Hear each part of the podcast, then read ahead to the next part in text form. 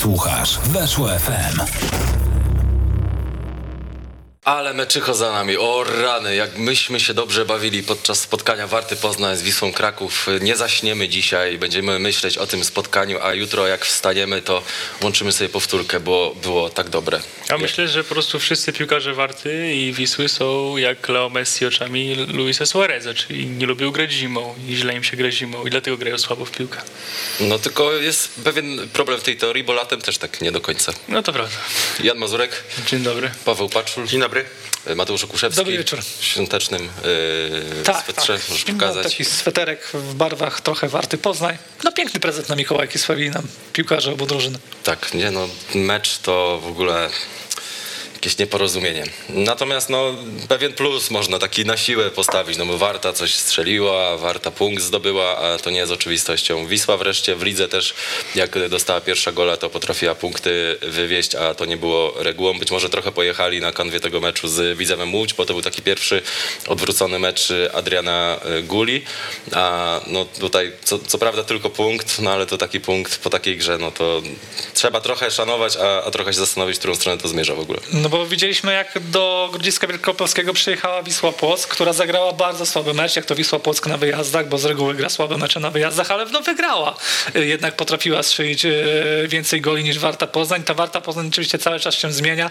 Zaczyna być widać trochę rękę Dawida Szulczka, bo nawet to podejście wysokie do pressingu to jest coś, co rzadko oglądaliśmy za kadencji e, Piotra Tworka, ale to nie było tak, że dzisiaj e, jakość była po stronie Warty Poznań i ona powinna to spotkanie wygrać. Wydaje mi się, że jakość, jeśli chodzi o piłkę, no e, tak czysto piłkarskie rzeczy była po stronie Wisły Kraków. W pewnym momencie koło 60 minuty zerknęliśmy z Kamilem Gopińskim, z którym komentowaliśmy ten mecz na ławki rezerwowych obu drużyn i gdzieś w Warcie Poznań jakiegoś przełomu w ofensywie można było doszukiwać się za sprawą wejścia na przykład Mario Rodrigueza, czyli jednego z najgorszych piłkarzy w Ekstraklasie. Na Wiśle Kraków jednak ma na ławce siedzieli piłkarze, których podejrzewamy o to, że jakość mają. A pomimo tego, pomimo tego, że kadra Wisły Kraków jest zdecydowanie mocniejsza, no na boisku ułożyło się to tak, że to Wisła Kraków w końcówce musiała drzeć o to, czy zdobędzie punkt. Tak, ale jeśli chodzi o Wartę, to znów trzeba pochwalić Roberta Iwanowa. Zgadzam się z Damianem Smykiem, już mówiłem to wcześniej, e, że powinny się topowe kluby nim zainteresować. Ty mówiłeś, jak komentowałeś, że on strzelał. No nie jestem przekonany aż tak do końca. Mi się wydaje też, że podawał, bo e, zaraz po Ale tym zagraniu takiego, po, tak, e, tak, tak, popatrzył tak. się On ma, w on ma stronę on ma te, on ma W jednym z ostatnich meczów mógł dwie asysty spokojnie zaliczyć, yy, bo zagrywał naprawdę dobre piłki i ja też się zgadzam, zresztą mówiłem to w trakcie meczu, że wydaje mi się, że mógłby się odnaleźć w lepszym klubie. Tak nawet sobie zaczęliśmy analizować pary w poszczególnych klubach stoperów, to wydaje mi się, że trudna do rozbicia by była para Salamon Milic, skoro nie udaje się to Lubomirowi Sadce, ale już tak dalej, no to wydaje mi się, że Robert Iwanow miałby pewne szanse, żeby zaistnieć nawet w Pogoni Szczecin w wygryzienie Kostasa Trojanta Tak, Fedopolosa. Myślę, że pewnie. byłoby w jego zasięgu. Jak mówi się o tym, że bardzo zimą chce sprowadzić sobie stopera Lech nowego w, przy odchodzącym e, Tomasie e, Rogne, to wydaje mi się, że i tak jak chciał e, Aleksa Ławniczaka, bo też celuje w młodych polskich piłkarzy Lech Poznań, oczywiście to też trochę inny kaliber piłkarza w tym e, momencie swojej kariery, to jednak taki Robert Iwanow wydaje się ciekawym strzałem, tym bardziej, że byłoby chyba też e, miejsce w budżecie Lecha, Znaczy Iwanowa. wydaje mi się zbyt za słabo piłkarski na Lecha, bo jednak w Lechu stoper yy, Musi wyprowadzać piłkę. tak, musi coś Iwanow to potrafić. ma. Iwanow to ma, a Ławniczak tego nie ma. Ławniczak może być solidnym stoperem na poziomie ekstraklasy i też jest z rocznika 9-9, czyli jak Janek zauważył, nie stary, ale to jednak jest chyba zawodnik na inne kluby niż Lech Poznań. No poza tym też w tym No Lechu bo pewnie by nie ten, grał, ten nie? Iwanow jak, odje, jak wyjedzie, to gdzieś wyjedzie do Turcji gdzieś albo do ligi takiej Szkoda powiedzmy go. żadnej topowej, do drugiej Bundesligi i ty jednak chciałoby się, żeby tacy piłkarze po prostu u nas zostawali. Robert, zostań, zostań, a inne kluby namawiamy do tego, Chyba jakiś węgierski za- klub się nim te- interesował ostatnio. No to, Ferenc Warosz albo coś w ten deseń. no to już lepiej w Polsce zostać, moim zdaniem. Znaczy, no mam na, no też nie ma biedy, jeśli chodzi o Ferenc Warosz, tak, ale no chcielibyśmy, żeby został. Tak, tak mówię tylko po to, żeby y, jego otoczenie nas słuchało i wyciągało Ale tak nie pamiętam w ogóle, czy to chodziło o ten klub, także nie, nie sugerujmy się tym. Dobra, w porządku. E, jeśli chodzi o Wisłę, podczas tego meczu um, miałem wrażenie, że Wisła chce grać generalnie piłką, ale to jest chyba drużyna, która najczęściej w lidze wycofuje piłkę do stoperów. Jest tak, podejdziemy, podejdziemy, a nie uda nam się i do Frydrycha, i do Szota, i gdzieś znowu na prawą stronę. Podejdziemy, podejdziemy, dobra, znowu nam się nie uda. Tak taka- jest, tak jest, niby masz tę piłkę, ale to nic z tego nie wynika. Taka pułapka Pogoni Szczecin, tylko że jeszcze Pogoń Szczecin- Szczecin to Tylko, jakoś... że na zwolnionych Tak, obrotach. tylko że jeszcze na bardziej zwolnionych obro- obrotach. Taka, Pogoń do 30 metra dochodziła. e, pił, piłka ręczna w gimnazjum i to bardziej zajęcia wyrównawcze. E, No rzeczywiście, z tym jest problem. Brakuje takiego piłkarza, który by tę grę przyspieszył, bo wcześniej było tak, że jak Jeboa coś wymyśli, rzeczywiście przyspieszy, to te akcje nabierały rumieńców. E, Też fantastyczny dźwięk. Jako dżingiel powinniśmy go mieć. Tak zawsze chciałem to zrobić. Też bywały momenty, że potrafi się Gruszkowski włączyć e, jako obrońca, czy, czy Hanuszek. Ostatnio tego brakuje. Tak, przyspieszanie gry albo podaniami, albo z piłką przy nodze, i bo i tego, i tego brakuje w Wiśle Mhm. Kraków. Nie ma piłkarza, który zdobywałby teren, wygrywał pojedynki. E, trochę szkoda, że wydaje mi się, że to może nawet taki największy indywidualny zjazd w porównaniu do początku sezonu i Ojeboła, że on był przez pierwsze kolejki gwiazdą ligi, Mhm. absolutnie. I już nawet abstrahując od tego, co się wydarzyło w Łęcznej, gdzie tam ośmieszył Bartosza e, Rymaniaka, no a teraz jest cieniem tego piłkarza. Oczywiście strzelił bramkę niedawno w derbach, e, no ale to jest cały czas za mało. Mm, Tak się zastanawiam, bo drugim takim piłkarzem dla mnie jest Patryk Szysz, ale, ale, ale pomiędzy nimi bym wybierał. Tak, to też już e, kolejny mecz e, z rzędu Wisły Kraków, kiedy Wisła nie ma aż tak wielkich problemów ze stwarzaniem sytuacji, choć tutaj e, przez długi czas miała z tym troszeczkę Wisła problem, ale to nie jest największy kłopot Wisły Kraków, bo w każdym meczu mniej więcej jest jedna, dwie takie stuprocentowe sytuacje, które sobie Wisła potrafi stworzyć, ale problem jest właśnie w organizacji gry i to też jest bardzo niepokojące, dlatego że kiedy do Wisły Kraków przychodził Adrian Gula, to mówiło się o nim, że to jest trener, który potrafi budować zespoły i będziemy dosyć szybko widzieć jego rękę w tym zespole, że ma jakieś tam swoje pomysły taktyczne, czy to gra wysokim pressingiem, e, czy e, no nie wiem, no jakaś po prostu organizacja gry w środku pola też są bardzo istotne w jego filozofii. I tak jak wydawało mi się, że na początku e, sezonu to było czasami widoczne, nawet w przegranych meczach, czy to na przykład w tym meczu z Rakowem Częstochowa, tak teraz od kilku spotkań już z takim pikiem w, przy meczu z Radomiakiem, Wisła Kraków bardzo źle wygląda e, po prostu przy organizacji gry i nawet na tle Warty Poznań, która w tym elemencie w mojej opinii sobie radzi bardzo słabo i jakoś nie mogę zgodzić się z Rokiem, że widać jej jakoś jak dużo elementów e, nowej miotły. e, Znaczy nie, w moim zdaniem Poznań. nie, że dużo. Na To pewno, widać, na, na pewno widać pressing i wyższe podejście momentami do, do drużyny i ta warta jest No, przez to optycznie, ja tego nie tak? widzę, to widzisz, okej, no to dla mnie to jest y, kwestia czysto... Że inne mecze oglądaliście? Czysto, czysto optyczne, tak? No, to jest kwestia czy, czy, dla mnie czysto optyczna, bo też nie, nie jest tak, że Warta atakuje jakimś bardzo wysokim e, pressingiem. Czy gra na dwóch napastników, czy gra na jednego napastnika, e, czy zmienia te systemy z tyłu, czy próbuje grać trójką z tyłu, czy zmienia potem na czwórkę z tyłu, to dalej to wygląda niesłychanie, niezbornie. Środek pola też funkcjonuje bardzo Nie no, przeciętnie jest w ten sobą. skoordynowany pressing, spokojnie.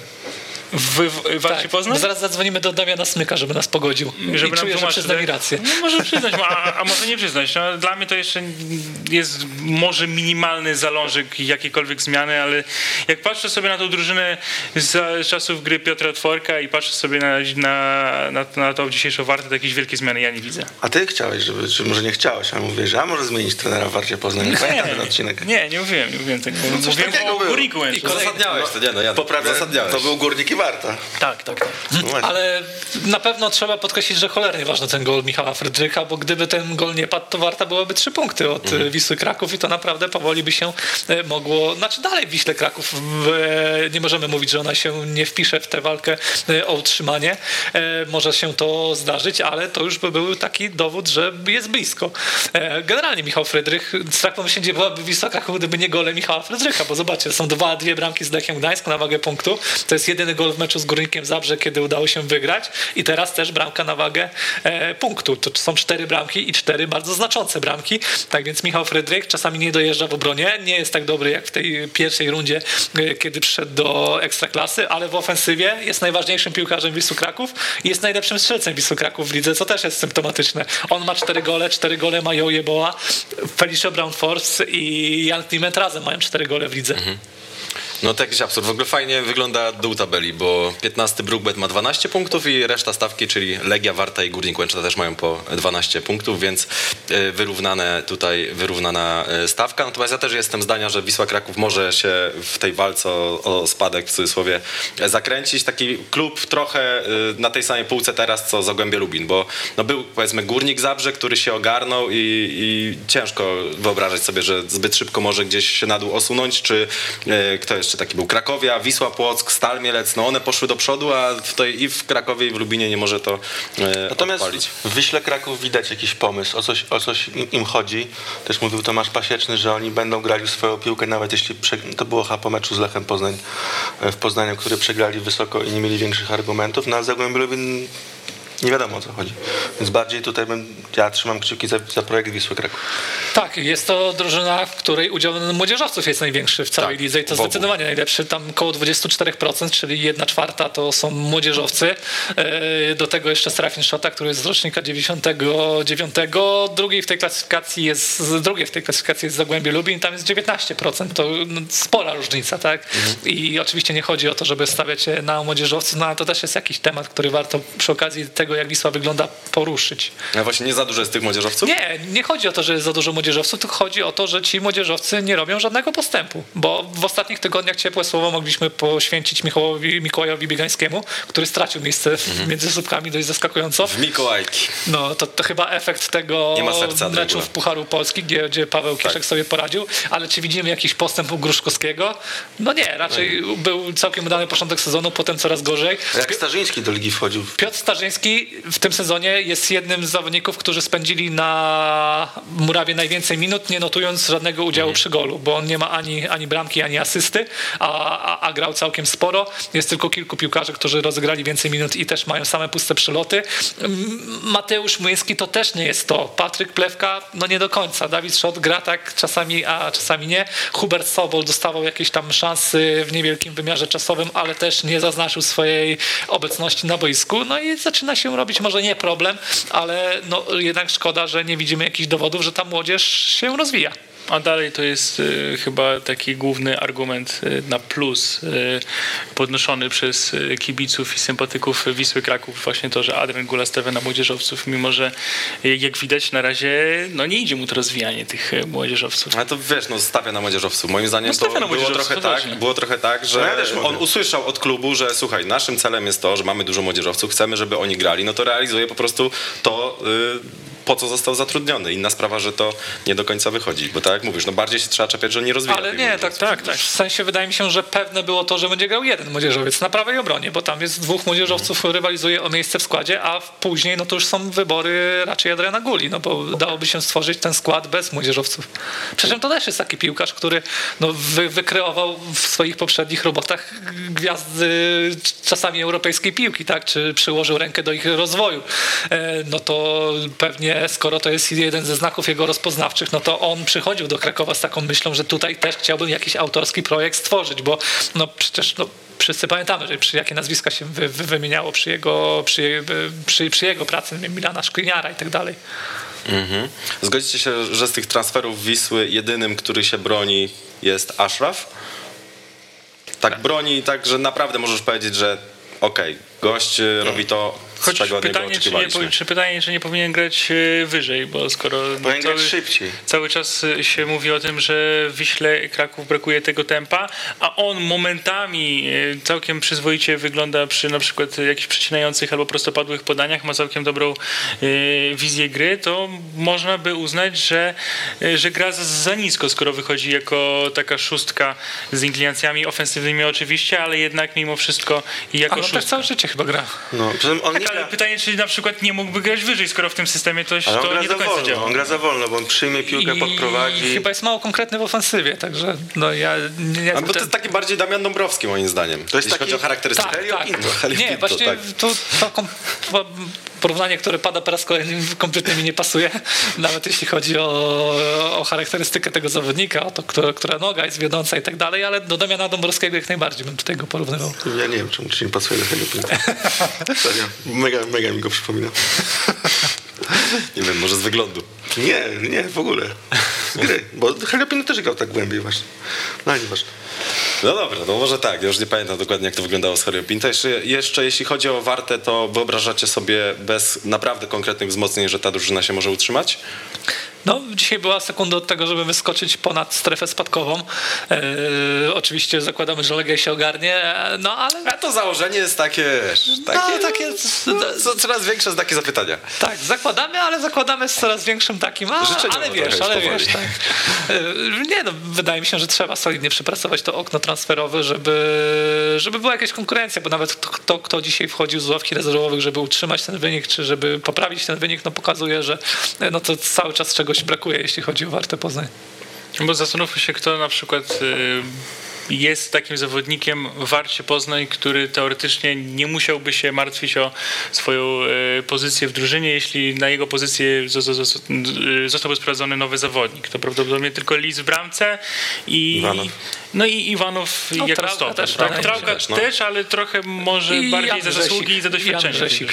Grzesik też, choć pewnie znalazł, znaleźlibyśmy zawodnika, który o i trochę innym charakterze niż Grzesik, który by sobie jeszcze lepiej w tej drużynie poradził. Też że Grzesiek to nie jest, to to, jest właśnie to, co war, na, na co warte stać. Ale no, może warto w nowym pomyśle stać na coś więcej dodatkowo. No, ale wydaje mi się, że Grzesik jest właśnie takim piłkarzem, który do, w, może być okej do czegoś Jan więcej. Grzesik, nowa jakość, ekstra klas. Żo, żo. Żao Grzesik. Nie no, Nie, na pewno... nie, wiem, nie, to, nie, na nie pewno to aż, aż tak Nie, no, przy, przy, przy, przy całej tej biedzie w Warcie Poznań to już biednego Jana Grzesika ja bym się nie czepiał, bo No wygląda... tak, tak, to zdecydowanie tak. Nie, tylko mówię o tak. takich bardzo silnych e, pozycjach, o takich No, Wydaje mi się, że którzy ma nie mieliby rywalizacji. pozycję w tym zespole. Pytanie, czy on w tym nowym pomyśle trenera Szulczka będzie miał dla siebie miejsce. Mhm.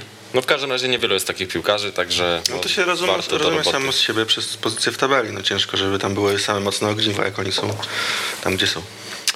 To prawda. E, Murarz kolejki, czyli e, postać, która najbardziej e, zasłużyła się Tak, dla defensywy. Proszę? Mówię do Mazurka, że chciałbym zwolnić.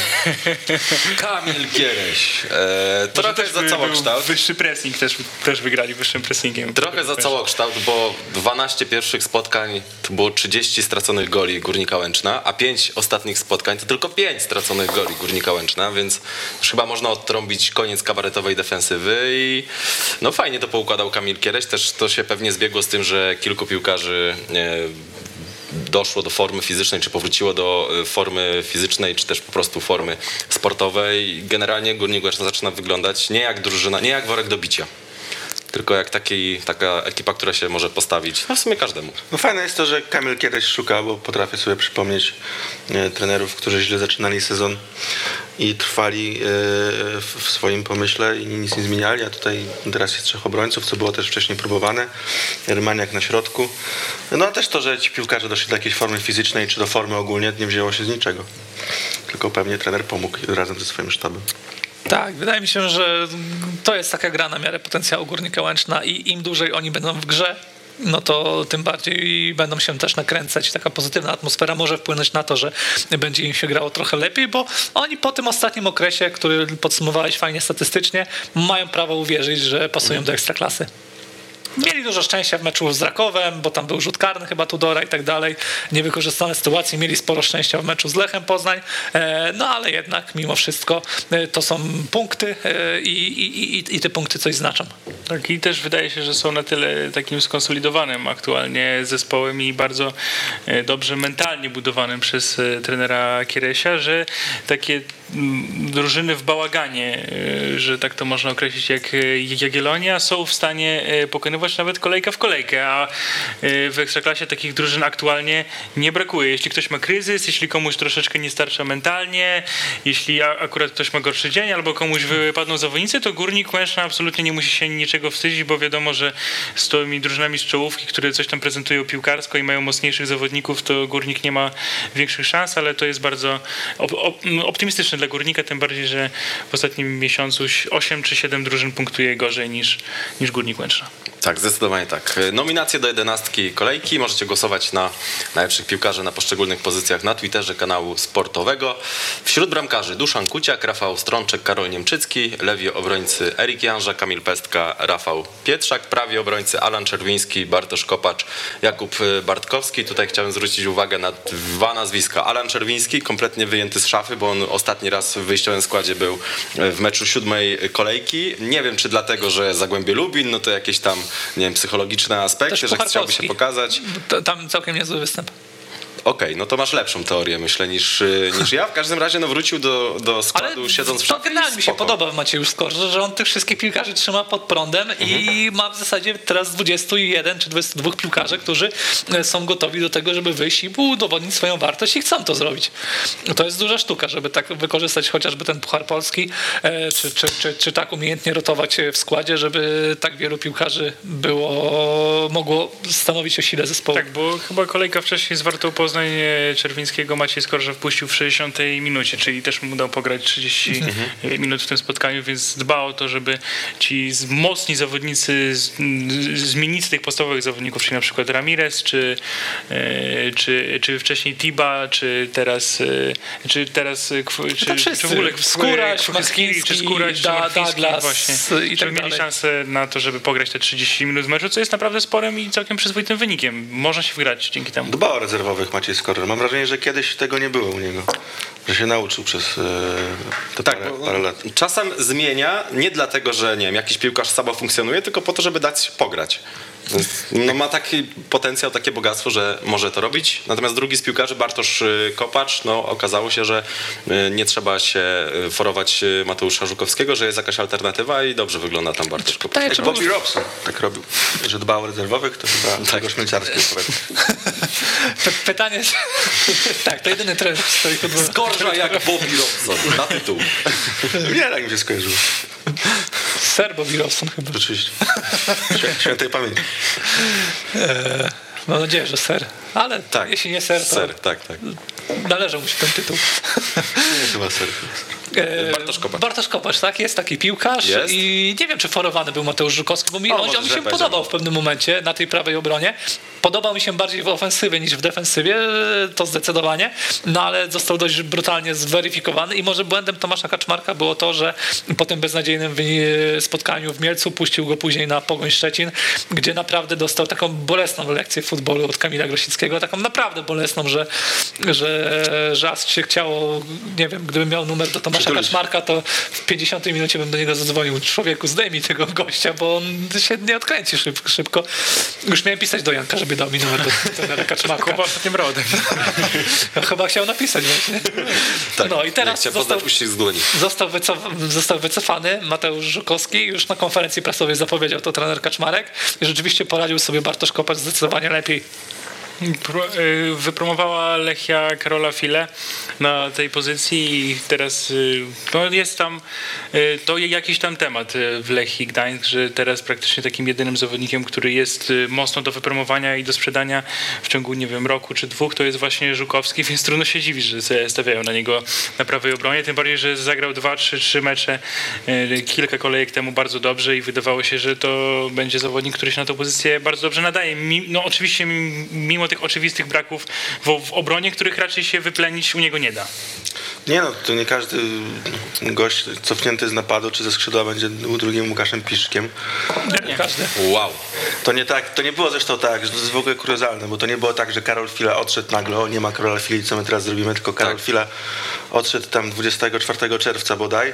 E, Zresztą co okienko się mówiło, że Karol Fila może odejść, więc wypadałoby e, ściągnąć e, prawego obrońcę zawczasu, bo Bartosz Kopacz nie jest prawym obrońcą. Owszem, grał w Zagłębiu Lubin na prawej obronie, ale nie w tym sezonie. On nawet w tej rundzie z Kopaczem, się, z Filą się zmieniali. Tak, ale on nie był ściągany jako prawy obrońca, tylko jako środkowy, bo w tym ostatnim sezonie w Zagłębiu Lubin grał jako środkowy, w poprzednim grał jako prawy. Więc teraz nie ma co dodać do ideo- ideologii. Nie, to jest bardziej Jest środkowy. to z- generalnie, tak, środkowy obrońca. Tak, to jest środkowy obrońca. I na prawej zostanie Musolitin, którego ja pamiętam tylko z tego, że wszedł i zrobił karnego. Więc jeśli e, dwóch trenerów, bo to nie jeden, najpierw próbuje skrzydłowego na prawej obronie, potem e, prawego środkowego obrońcy, to znaczy ten Musolitin nie jest najlepszy. No. Oczywiście jest mistrzem świata z Ukrainą, gratulacje. Mistrz świata. No tak. Nie, no to tutaj jest, to jest chyba oczywiste, że Lechia kogoś, kogoś pozyska na tę pozycję, no bo jak inaczej. Kolejne y, kategorie.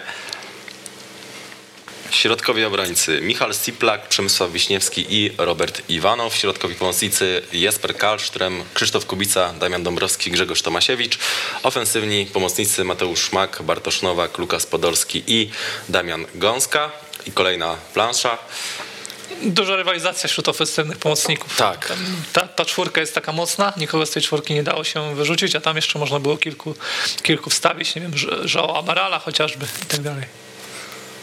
Zobaczmy skrzydłowych Sebastiana. Kowalczyka, Kacpra Kozłowskiego, no sporo było tych kandydatów. Można było. E, prawi pomocnicy Robert Dadok, Fryderyk Gerbowski, Ilka i Durmusz. Lewi pomocnicy Kamil Grosicki, Konrado Jakub Kamiński. Napastnicy Adam Zrelak, Flawy Pajszą i e, Jesus Jimenez. W ostatniej chwili Adam Zrelak wsko- wskoczył na miejsce Marco Kolara, no ale powiedzmy, To nie była kolejka napastników. Tak, ten Bo na, piłkarz na, na tak- dobrą sprawę Flawa Pajszao też wszedł jako ofensywny pomocnik, dopiero potem został przesunięty na dziewiątkę, ale to już go tam tutaj daliśmy, bo Tak, no mała on się broni liczbami, no bo gol i asysta, więc jak najbardziej musi się znaleźć. Adam Zerolak tak rzadko strzela bramki, więc y, jak już strzeli, to No, Niezły trzeba mecz, go taki, taki docenić. niezły. Tak, Robił zwykle to, co robi Adam Zrelak, tylko jeszcze dołożył tego bramkę. Tak mi się wydaje. Dokładnie. E, Jastrząb kolejki. Moja kandydatura, Kamil Grosicki. E, W takiej formie to co tydzień go możemy tutaj... e, To myślę, że szybko załatwimy. Ilka i Durmusz, Damian Gąska, Bartosz Nowak. Nie wiem, czy jest jakieś weto, czy nie, ale no, wydaje mi się, że to piłkarze, którzy wyskoczyli ponad, ponad taką dobry poziom tej kolejki. e, Grosicki, Durmusz i Nowak Gąska. Nowak Gąska. Dobra, ja się e, zgadzam. W międzyczasie wy się zastanówcie nad e, dzbanami. Tutaj też kilka kandydatur znajdziemy. A wy musicie wiedzieć, że w X-Komie w tym tygodniu można kupić telewizor 4K Philips z 58-calowym ekranem za 2099, a wcześniej kosztował prawie 4000. Więc promocja jest taka rzetelna, nie jak taka typowa promocja na Black Friday. E, więc zapraszamy was do X-Komu. Wszelkie dane są w linku pod e, naszym e, filmikiem. Na święta akurat. Akurat na święta. Możesz, Janku, sobie sprawić taki telewizor. No na pewno. E, kogo ja bym ch- chciał zaproponować? Ja bym chciał zaproponować kogoś może z Legii albo z tego meczu. Nie wiem, może nawet sędzia przybył sobie zasłużył na to, żeby się znaleźć w tym e, Ale zdania są gronie. podzielone z tego, co widziałem. No są podzielone Do Wojciecha zdania. Kowaczyka dołączył Adam Lyczmański i powiedział, że tam karnego nie Nie, no było. ja w ogóle nie rozumiem tego. Dla mnie ewidentny rzut karny. No dla mnie też. Znaczy, mnie to Jakieś- do, dorabiamy jakąś tam teorię do tego, co Tam się nie widziałem, wydarzyło. wyzywali w komentarzach, bo ci napisałem tekst, ale to się przyzwyczaiłem, że, że Jezus, kto to był? Że go popchnął. E, e, Pelewana masz sport? tak, Hołownię. Popchnął. Hołownię, tak, nie no gdzie? No, Że po, popchnął go? Tak. A, że hołnia jego? Tak. Tak. Popchnął go i dostał w efekcie z łokcia. No ludzie, naprawdę. No. Chyba się też nie ma co Nie, przejmować takimi popa- narracjami, bo jak teraz Legia przegrywa, to cokolwiek by się No nie mówiłem działo, ci to cokolwiek nie wczoraj, napisze że Legię Legii, to- można. Krzylewiak jest Tak. w takim położeniu, że można ją krzywdzić. Dokładnie, ale sędzia przybył y, z, trochę za całokształt tego meczu, bo sobie nie poradził z, z ciśnieniem tego meczu. Y, Cały czas pojawiały się jakieś pretensje do niego. On nie potrafił sobie tych zawodników y, machających rękami ustawić, a już nawet jak sobie już by założył, że odpuszcza i po prostu będzie sobie tego wysłuchiwał, to dużo było takiej brudnej, nieczystej gry i takiej atmosfery niekoniecznie w- piłkarskiego widowiska. Można rozważyć. Ja Mhm. od siebie dorzucam Dominika Furmana. Nie, nie wiem po co to było i co to było.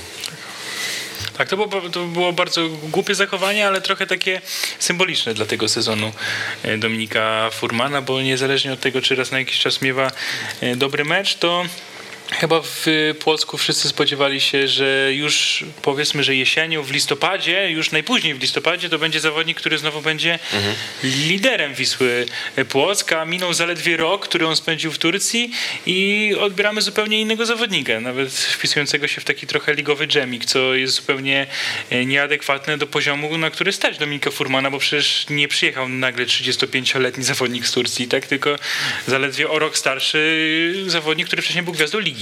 Ode mnie Andrzej Niewulis. Razy bramka Pajszoa, a czy bramka Durmusza. Tak jak mówiłem wczoraj. To, że Durmusz pójdzie do lewej nogi, było wiadomo. No tak, z parę dni temu już. Ksawer Dziekoński? Za podanie do Damiana Gąski. Przecież ja jeszcze myślałem o Stiglecu, szczerze mówiąc, bo takiego turysty w polu karnym to dawno nie widziałem. Ja jeszcze myślałem o Dariuszu Żurawiu. A jeszcze myślałem o kimś z Legii. No, ale to jest właśnie taki Legii to- ktoś z Legii. No właśnie. To no był- to z no, Kibickiego ja, ja, wydaje mi się, że mamy na tyle... Mladenowic też był, też turystyka przy bramce. Oj tak. E, Pelewa na Mersforte. No i generalnie Mladenowicz jak zbiera się do wrzutki, to tak samo jak jest ta wzmianka w gazecie o Durmuszu, że pójdzie na lewą nogę, to jest też wzmianką Mladenowiciu, że nie trafi. Jeszcze Wojciech Swoich Gola mi tak się Nie zapadł wiem, w co, nie wiem, co mu się stało, bo on wygląda gorzej niż tak, jak trafiał do Lechi. Wtedy przyszedł taki zaniedbany. Że ręce opadają, opadały. Tak, a przecież e, Marek Gołębiewski na samym początku swojej przygody w Legii wykonał badania i nawet Filip Mladenowicz się chwalił tym, że miał najlepsze wyniki motoryczne w drużynie. Dobrze biega, ale źle A wrzuca. moim A zdaniem ja nie ostatnio mam trochę lepiej wyglądał. Szczególnie w tych meczach rewanżowych z Leicester. Lidze Europy z dobrze Napoli. zagrał, prawda? Tak, No tak. Ale, ale, to Ale pojedyncze wydawało mi się, że to może być taki przełom, ale nie. Nie, może pomylono badania jakieś inne zrobione. Komuś innemu, tak. Jeszcze badania na jakość piłkarską muszą być przeprowadzone. Wtedy będziemy mogli ocenić tak w 100% rzetelnie. Dobra, bo wymieniliśmy z 7 Tak. osób, a trzeba 4 wybrać. Marek Gołębiowski też mógłby trafić do tego grona. No mógłby, ale z drugiej strony no, patrzysz na tę ławkę rezerwowych i tam za bardzo no, nie miał z czego wybierać. A kogoś musiał wprowadzić, patrząc na to, jak to wygląda, więc w sumie tak z No jednej strony no, nie przystoi Legii, żeby takimi piłkarzami ratowała trzech, mecz. trzech, czterech zawodników jeszcze z pierwszej drużyny miał, żeby wprowadzić. No ale no, defensywny No, miał Martin Haratina i Szambel. Ale Martin Haratina nie wprowadzisz ani jak remisujesz, ani jak Tak. przegrywasz, ani No, jak ale z drugiej strony Karatin kosztował prawie, prawie, prawie milion, więc to nie, nie jest jakiś bardzo przy. No ale Gołębiewskiego nie sprowadzał, a tutaj byśmy zarzut Gołębiewskiemu Znaczy, to postawili. można się kłócić, czy na wodkę Takie jest lepszym czerwone piłkarzem, buty czy na obcasie No? też są drogie. no niewątpliwie, tak. A moim zdaniem Haratin jeszcze pokaże kiedyś, że jest dobrym piłkarzem. Ja napisałem po jego chyba pierwszym meczu, że dużo widzi i generalnie go Też pochwaliłem. mi się wydaje, że dużo widzi. E, jeszcze mi tego nikt nie wypominał, także Może się właśnie wystawiłem na strzał. Jak dużo widzi, to nie wiem, no, na skrzyżowaniu do kierowania ruchu. Nie no. Woliego może rozwiązywać. Szukać Woliego na tych łamigłówkach. Dobra, no to kto? Mladenowicz, Gollab się pojawił, Stiglec. No E, dla też mnie Furman, Niewulis, Dziekoński, ta są. trójka. A, Dziekoński jeszcze. No i Jarosława Przybyła już wpisałem na listę.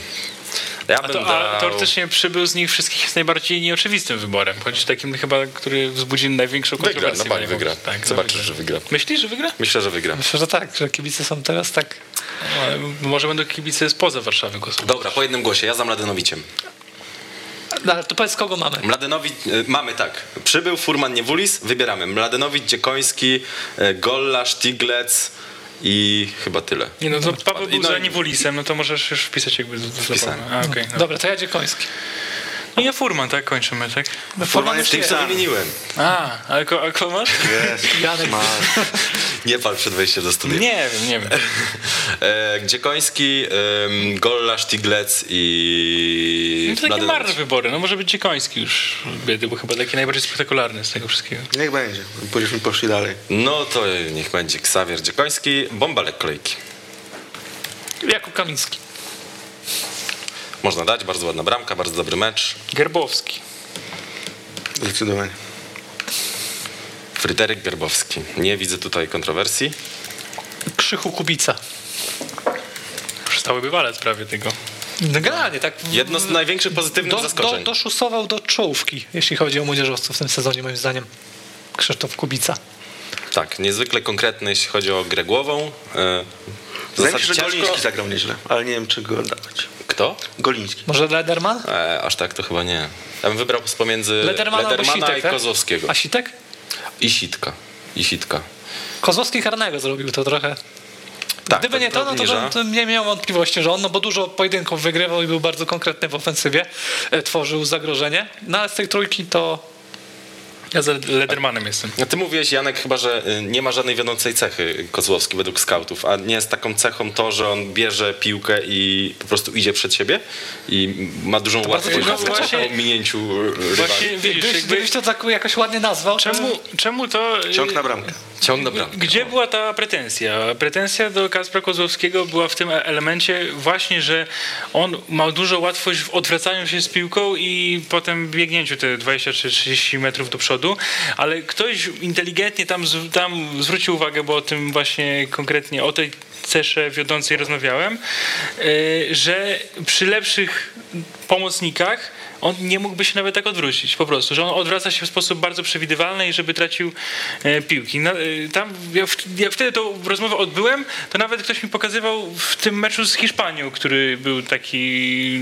popularny dla Kozłowskiego, że dwa czy trzy razy odwrócił się w ten sposób, że hiszpański zawodnik od razu odebrał mu piłkę, bo się spodziewał, co on zrobi, bo to było dla niego przewidywalne. Ja uważam, że Kasper Kozłowski jest super zawodnikiem, ale po prostu jak już spytałeś mnie, to tak po prostu tłumaczę, o co chodziło. Bo faktycznie ten temat był poruszony, że on ma w tym, że taką cechą wiodącą jego jest ta jego umiejętność takiej, takiego przebojowego wejścia do, do przodu. Dobra. Także mam, masz pytanie, jest odpowiedź. Kawiński, Gerbowski, Lederman, Sitek. Kit? Kamiński, a Kubica? A, o Kubicy za- zapomniałem. Dobra, to Kubica za Ledermana albo za Sitka. Ja bym dał Ledermana. Tak, tak, ja też. Ja bym dał sitka. To ja Ledermana. Dobrze. Niech ma. Za, za, do- za dobry tydzień. Bo to podanie Sitka też bardzo ładne do e, Tak, duża Maka, klasa. trzeba przyznać. No i generalnie też, podobnie jak Kubica, to jest taki młodzieżowiec, po którym nie spodziewalibyśmy się fajerwerków, a on czasami potrafi te fajerwerki odpalić. Bo Rysiu kolejki, czyli najładniejsza bramka tutaj, kolejna. Dobrze, jesteś pierwszy. Chciałem dać kolejną dyżurną kandydaturę, czyli Lukasa Podolskiego. Oby tak dalej, panie Lukasie, bo po to pan przyjechał do Polski. Błyszczasz jeszcze może za. Ale nie, to wydaje mi się, że błąd bramkarza. Nie, ale też ładne Mi się bardzo podobał, czym też był bon bramkarza, ale gąski. Tak. Pierwszy czy drugi? Drugi, drugi. Ja bym chyba jeszcze Ledermana dał. Bardzo ładne uderzenie. Mhm. No jak to może być? No, No to co, wybieramy między Le- Le- trudne Ledermanem a Łyszczarzem, tak? no mnie się jeszcze bramki Nowaka podobały, przynajmniej ta z Dedokiem. A Mak, ta podcinka? Też ładna. Też ładna. Ja bym był za Ledermanem i Gąską, Ja też. jak sobie musisz- patrzę w me notatki. Albo jeszcze. Joao Amaral. Też y, taka podobny case co z Ledermanem, może nie tyle bramka piękna, co bardzo trudna, bo on najpierw głową sobie przyjął, potem jakoś przerzucił nogą, sam nie do końca to chyba kontrolował, aż później że się przestrzeń. podczas to wszystko zrobić, to, to jest taka dobra e, rekomendacja dla obrońców Zagłębia Lubin. To prawda. Ja w zasadzie strzelił gola krukiem, tak? I Chładon mógł się e, lepiej zachować. No tak, to jest pewien minus przy tej kandydaturze, więc y, proponuję Ledermana i Gąskę. Co wy na to? Tak, już Tak. potwierdziliśmy. Skoro potwierdziliście, to e, ankieta ląduje na Twitterze e, kanału sportowego i Was zapraszamy do tego, żeby e, głosować. Czy Piotr Stokowiec, jakbyście wyobraźcie sobie, że jesteście Piotrem Stokowcem i dostajecie telefon od Lubina i mówicie, panie Piotrze, do Piotra Burzykowskiego, idę, jestem. Czy byście powiedzieli, panie Piotrze, no średnio mi się to średnio mi się to widzi i tak niekoniecznie chciałbym akurat y, do pana klubu mimo całej sympatii. A z, zwróćmy uwagę, że Piotr Stokowiec może już podjąć pracę w Zagłębiu, bo no, minęła runda, ta kalendarzowa A runda. to się nie liczy do końca roku? Y, Nie, liczy się od... Sprawdzałeś? y, Do końca tak, rundy, Od, tak. Mi się wydaje, 18, że do od końca 18 roku. kolejki już może. Tak było przynajmniej w tekście na Interi dzisiaj, który czytałem. No właśnie. Okej. Mam nadzieję, że autor tekstu i na Interi sprawdził, żebyśmy tutaj nie błądzili. No ale tak, bo wydaje mi się, że... Się zawsze wydawało, że zawsze było tak, że do końca Tak, roku. Ale tak, chyba tak, nie ma większej, żeby- większej różnicy. No nie, no w trzy mecze jeszcze to wydaje, ale A, to no pewnie. Paweł Karmelita mógłby poprowadzić w tych trzech meczach. Który E, zna lepiej zespół pewnie niż Dariusz Żuraw, bo jest przy tym zespole dalej, a i był jeszcze dłużej od niego. Tak, ale no mówimy o docelowej pracy, tak? Niezależnie od tego, czy teraz miałoby się zacząć wykonanie Piotra Stokowca, czy od zimy. Eee, nie wiem, ja na miejscu Stokowca jednak bym poczekał trochę, bo wydaje mi się, że rynek ceni go teraz w tej chwili wyżej niż Zagłębie Lubin, które bardzo mocno trzeba poukładać. A- Właściwie trzeba je poukładać od nowa, no bo wielu piłkarzom kończą się kontrakty, e, z wieloma trzeba się pożegnać, e, wielu trzeba sprowadzić i to może być projekt e, ekscytujący, jeśli będą jakieś zapewnienia co do tego, że będą budżety transferowe i tak dalej, że wycofamy się z tej polityki, którą sobie wcześniej e, ustaliliśmy, ale czy w Zagłębiu jest taka chęć, żeby, żeby teraz zacząć nowy, ekscytujący projekt sportowy? No chyba nie do końca. Wiele zależy od ambicji Piotra Stokowca, bo on tak naprawdę zrobiłby krok wstecz, bo jednak z Lechią e, swoje wygrał, no i ta drużyna się kręciła e, w czubie tabeli. Wiadomo, że Zagłębie w tym sezonie, w tym sezonie to nie grozi. E, z drugiej strony jest to dobre miejsce dla niego do pracy, bo dobrze się zna z Piotrem Burlikowskim. No nie ma presji wyniku obecnie, więc jest czas, żeby budować. No ale za, wszystko zależy od ambicji Piotra Stokowca, nie siedzę mu w głowie, więc nie wiem jakie ma. No właśnie, wydaje mi się, że jeśli dostałby taki telefon, e, jeżeli już nie dostał, a pewnie dostał, bo z Piotrem Borlikowskim się trochę znają, to, to takim pierwszym pytaniem e, powinno być, e, a jak będzie wyglądać to okno zimowe, tak? I czy y, troszeczkę przedefiniujemy cele tego klubu, bo Burlikowski też nie uczestniczył przy tworzeniu tej letniej koncepcji mhm. Zagłębia Lubin, więc jeśli on deklaruje sam, że widziałby Zagłębie Lubin Lubin w pierwszej ósemce czy w pierwszej szóstce najsilniejszych klubów w Polsce, to znaczy, że ma trochę inny pomysł na ten klub niż miał Artur Jankowski, czyli poprzedni prezes Zagłębia Lubin. Więc wydaje mi się, że jeśli dostałby Piotr Stokowiec taką gwarancję, że dostanie piłkarzy, których będzie chciał, że ten klub będzie podążał w tą stronę, w którą podążał na przykład 5 y, lat temu, no to czemu nie? To wcale nie uważam, że to jest jakiś no, krok do tyłu, bo nie, bo nie wchodzi do klubu jakbyśmy się nad tym zastanowili, ile jest miejsc jakichś takich... No jak nie jest? Jest, ale jest możliwość wyjścia z tego wcale nie takim e, trudnym ruchem, tak? No tam aktualnie trwa proces sprzątania po tym, co stało się w ciągu ostatnich dwóch lat, tak? No po prostu. Ale tam nie jest tak, że zmieniła się, nie wiem, cała Rada Nadzorcza i... No zmienił się prezes, Ale teraz zmienił się bądźmy Piotrem sportowy. Stokowcem i zacznijmy rozważać opcje. Czy dostanę propozycję z Legii Warszawa? No raczej nie, no bo Legia nie. jest napalona na Marka Papszuna. Czy dostanę propozycję z Lecha Poznań? No nie, bo świetnie idzie Maciejowi Skorzy i na razie to się raczej nie skończy. Czy dostanę propozycję z Pogoni Szczecin? No wydaje się, że no na razie nie, no bo tam jest Kostalon Jajc, jest dość mocno e, umocowany. Czy dostanę propozycję z Rakowa Częstochowa? Nie wydaje mi się, że jest trenerem pasującym do pomysłu na futbol Michała Świerczewskiego, bo nie preferuje ofensywnej mm. piłki, a w Raków ma być wpisana właśnie ofensywna e, wizja gry w piłkę. E, czy dostanie propozycję od, nie wiem, Śląska? W Lechii przed chwilą był, no to nie dostanie propozycji, no to już no mamy tak. pięć. No w Śląsku bym sobie wyobrażał. Piotra no to, Stokowca, no, no pytanie, pytanie, pytanie kiedy nas Śląsk, Jagiellonia. Mhm. Gdzie już był w sumie? No, Wisła Kraków ewentualnie, ale wydaje mi się, że projekt z Adrianem Gulą jest dość długofalowy. W, w Krakowie akurat nowy projekt się e, rozpoczął. Ta lista klubów, ewentualnie gdzie Piotr Stokowiec mógłby trafić i pracować na miarę swoich ambicji. Reprezentacja Polska. Uuu. Uuu game changer w tej dyskusji, Paweł. No nie, nie no tak, faktycznie. No, jak spojrzymy z tej perspektywy, no to może głupio kręcić nosem na Zagłębie Lubin, które jest stabilnym miejscem pracy i z, pod, w sensie z już zjechaliśmy, zjechaliśmy, na średnią półkę, na której znajduje się Zagłębie Lubin. Mhm. I to jak gdyby, jeśli bo nie wyobrażam sobie, że nagle Piotrkowiec zostanie jakimś strażakiem, który będzie skakiwał, jak tam się zacznie gdzieś no palić. No. no tak, no, dzisiaj nie. Dzisiaj rzeczywiście e, tych klubów jest mało, ale za parę miesięcy no kto by przypuszczał, że nie wiem, będzie taka sytuacja z Legią Warszawa, czy parę miesięcy wcześniej z Lechem Poznań. No będzie jak to się zmienia szybko, a pewnie trochę zarobił w tej Lechii mimo wszystko.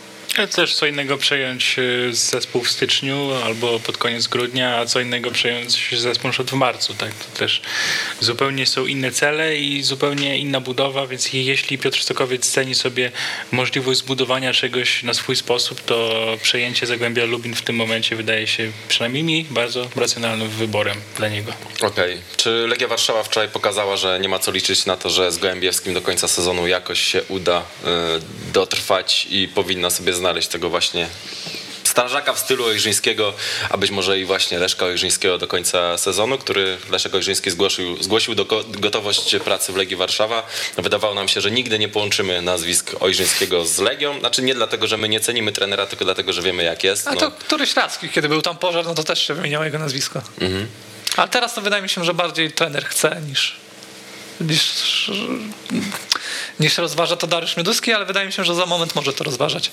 Że czwartek może być takim momentem przełomowym, że jeśli jeszcze w Europie e, stanie się tak, że Legia nie zagra nawet w lidze konferencji na wiosnę, a umówmy się, jest bardzo duża szansa, że tak będzie, no to już będzie takie bardzo mocne minim, minim ograniczanie strat.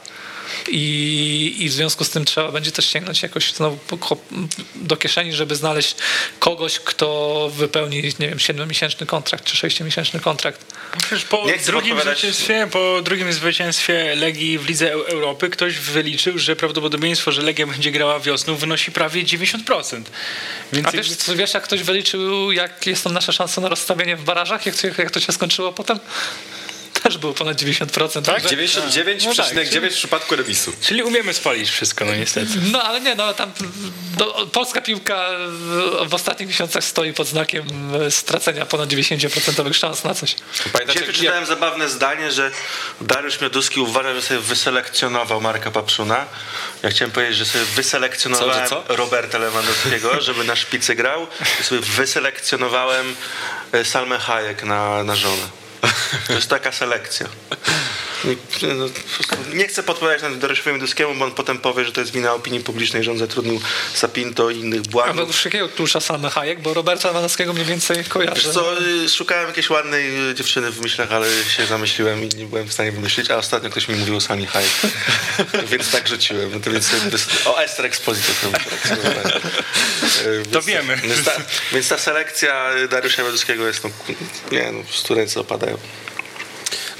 No tak, będzie to na, szczerze mam trochę satysfakcję, bo jakoś tak y, przy przyjściu Marka Gołębiewskiego do Legii Warszawa nie miałem przekonania, że to jest dobry, że to jest do, dobry, że to jest dobry kierunek, bo no nie wiem, czy to, czy tak to powinno wyglądać, że trener, który pracował w drugiej lidze i w trzeciej lidze tak łatwo i naturalnie może zostać trenerem e, nawet bez zawodzącego i będącego w kryzysie mistrza Polski i jeszcze mieć takie przekonanie, że robi dobrze, tak? No, y, Ja wiedziałem, że to jest zły pomysł, jak y, była historia, że on wydrukował tabelę i ją podarł.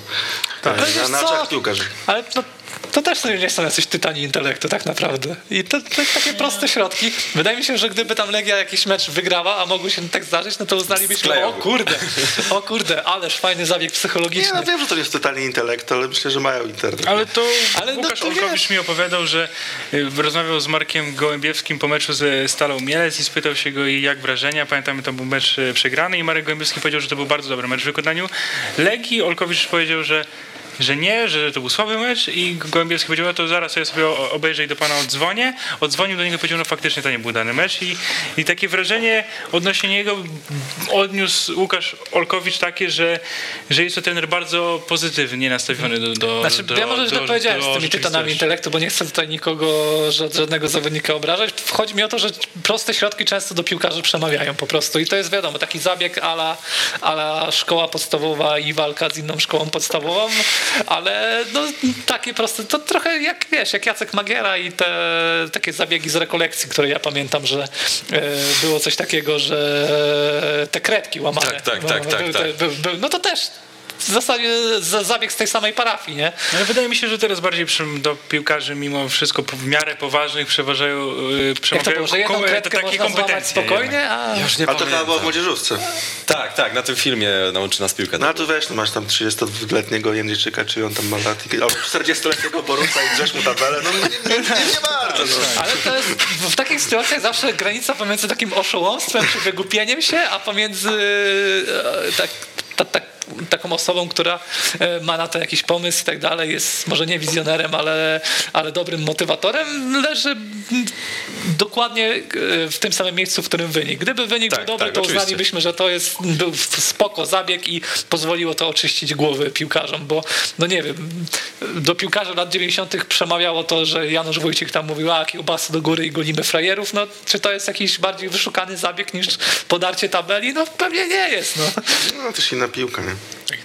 Nie ma ani jednego ciekawego pomysłu, który optycznie oczywiście ja zauważam, jeśli chodzi o Marka Gołębiewskiego w Legii, a przecież już prowadzi ten zespół w szóstym czy w siódmym meczu.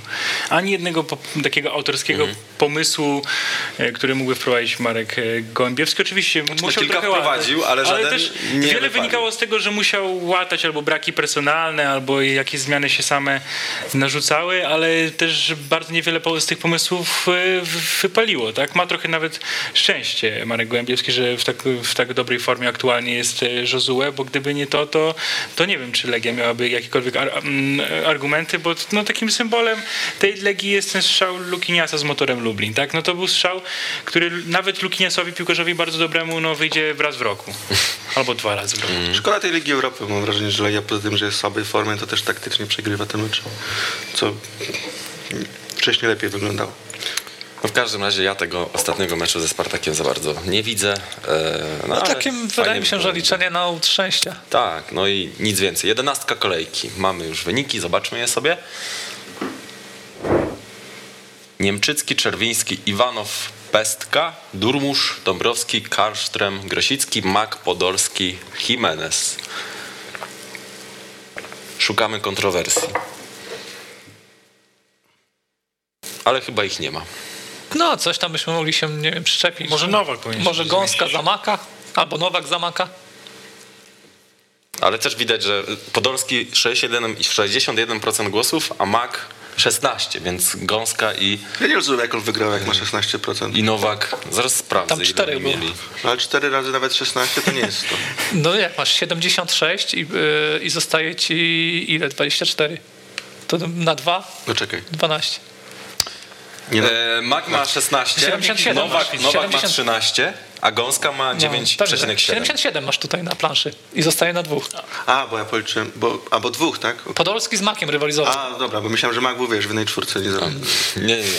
Byli, byli w jednej e, kategorii. No dobra, dzięki serdeczne. Kończymy część ekstraklasową. Jeszcze e, pytanie Ciebie, Paweł, pod, na czacie. E, mój drogi, trzy cechy Salmy Hayek, które Cię zauroczyły. Nie no, już powiedziałem, że już wolałem test.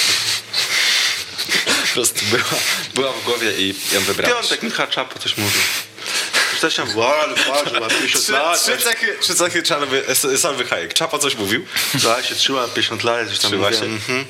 No i tak mi zostało w głowie. I ma i 50 zostało w lat. głowie. I, i ma 50 lat. Masz trzy cechy. E, Jadek Mazurek. Dziękuję bardzo. Paweł Paczur. Dziękuję. E, I wracamy za chwilę z częścią pierwszoligową, gdzie podsumujemy sobie rundę jesienną, a na przejście mamy dla Was konferencję prasową z meczu Arka Stomil. Arka wygrała aż 6 do 0 to spotkanie. przed Pucharem z mocnym zespołem Ekstraklasy chcieliśmy rozegrać e, dobre spotkanie, ale przede wszystkim awansować do następnej rundy. Wiedzieliśmy, że mamy dwa ostatnie mecze, chcieliśmy się miłym akcentem sympatycznie pożegnać e, z kibicami, dać e, trochę radości e, na koniec roku i nam się to udało. Także gratulacje dla moich e, zawodników. Dziękuję. Myślę, że tak, takie same zdanie mają moi zawodnicy. To, co powiedziałem wcześniej, nawet w pewnych momentach e, ciężkich za doping e, kibiców, za wiarę w końcowy wynik, e, bo ci zawodnicy naprawdę na tyle, ile mogą w danym meczu dają z siebie wszystko. Nie zawsze jest to zrekompensowane, powiedziałbym, e, e, ten wysiłek e, zdobyczą punktową. Dzisiaj nam to się udało i, i bardzo się z tego cieszymy.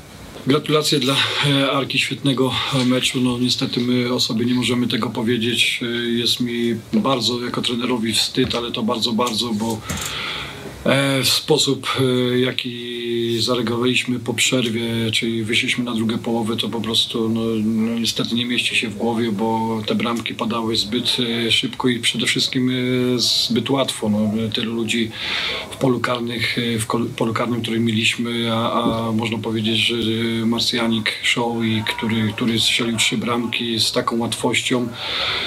Nie przystoi to na poziom e, pierwszoligowy absolutnie i do przerwy, e, do przerwy w miarę to wyglądało i można powiedzieć nawet do bramki e, pierwszej, którą Arka strzeliła, wiedzieliśmy, że po dośrodkowaniach te, te bramki często Arka e, strzela, ma dobrych zawodników, którzy w polu karnym dobrze się, e, się czują i do przerwy w miarę to wyglądało. No niestety szybko stracone bramki po, po przerwie ustawiły to, to spotkanie, no ale to co powiedziałem, no moi zawodnicy nie mają prawa w taki sposób się zachowywać, bo uważam, że nawet juniorzy grając dzisiaj by w tym, w tym meczu w ten sposób przy tych bramkach e, by się e, tak nie zachowali.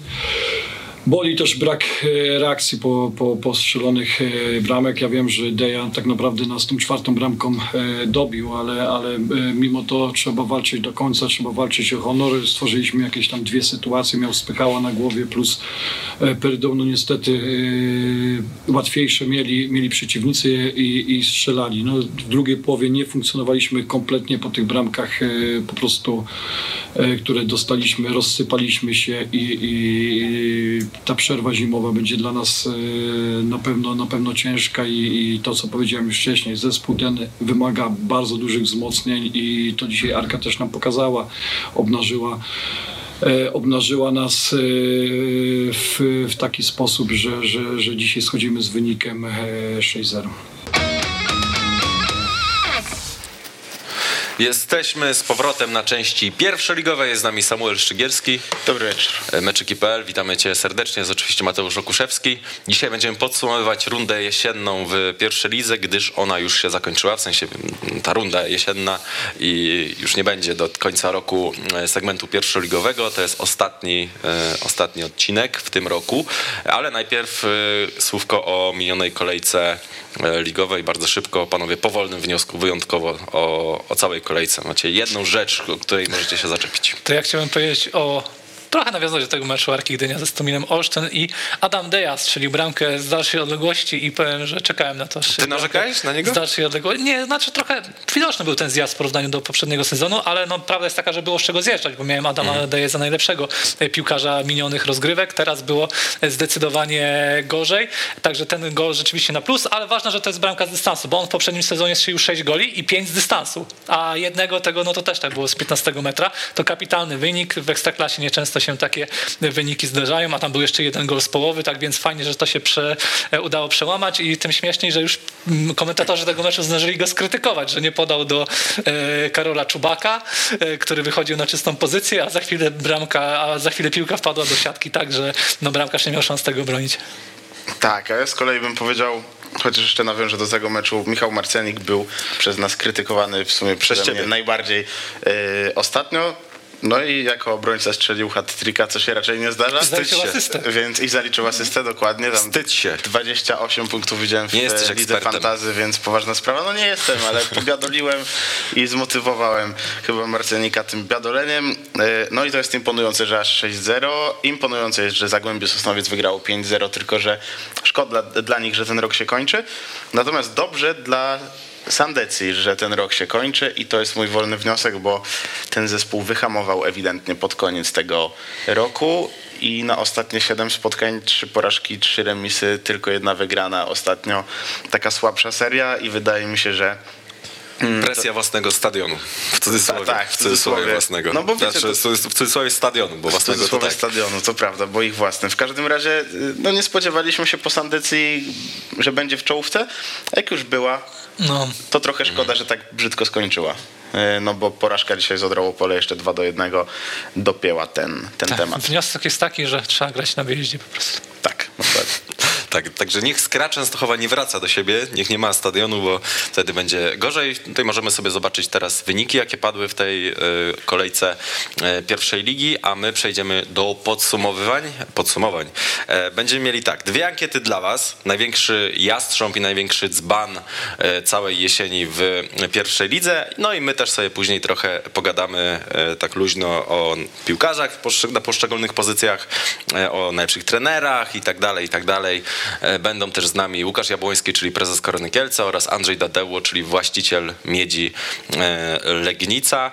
E, No dobra, no to przejdźmy do Jastrzębi tej rundy. Ode mnie kandydatura trochę bardziej za początek, znaczy początek, pierwszą połowę tej rundy jesiennej, ale no myślę, że ten piłkarz się tutaj powinien znaleźć, mianowicie Hubert Adamczyk, czyli gość, bez którego Arka Gdynia miałaby trochę mniej punktów, 6 goli, 6 asyst. No do pewnego momentu wymiatał i był chyba najlepszym piłkarzem pierwszej ligi, a no później z liczbami było trochę gorzej, no ale wciąż e, całościowo to jest gość, którego trzeba tutaj chyba podpompować. Podpisuję się.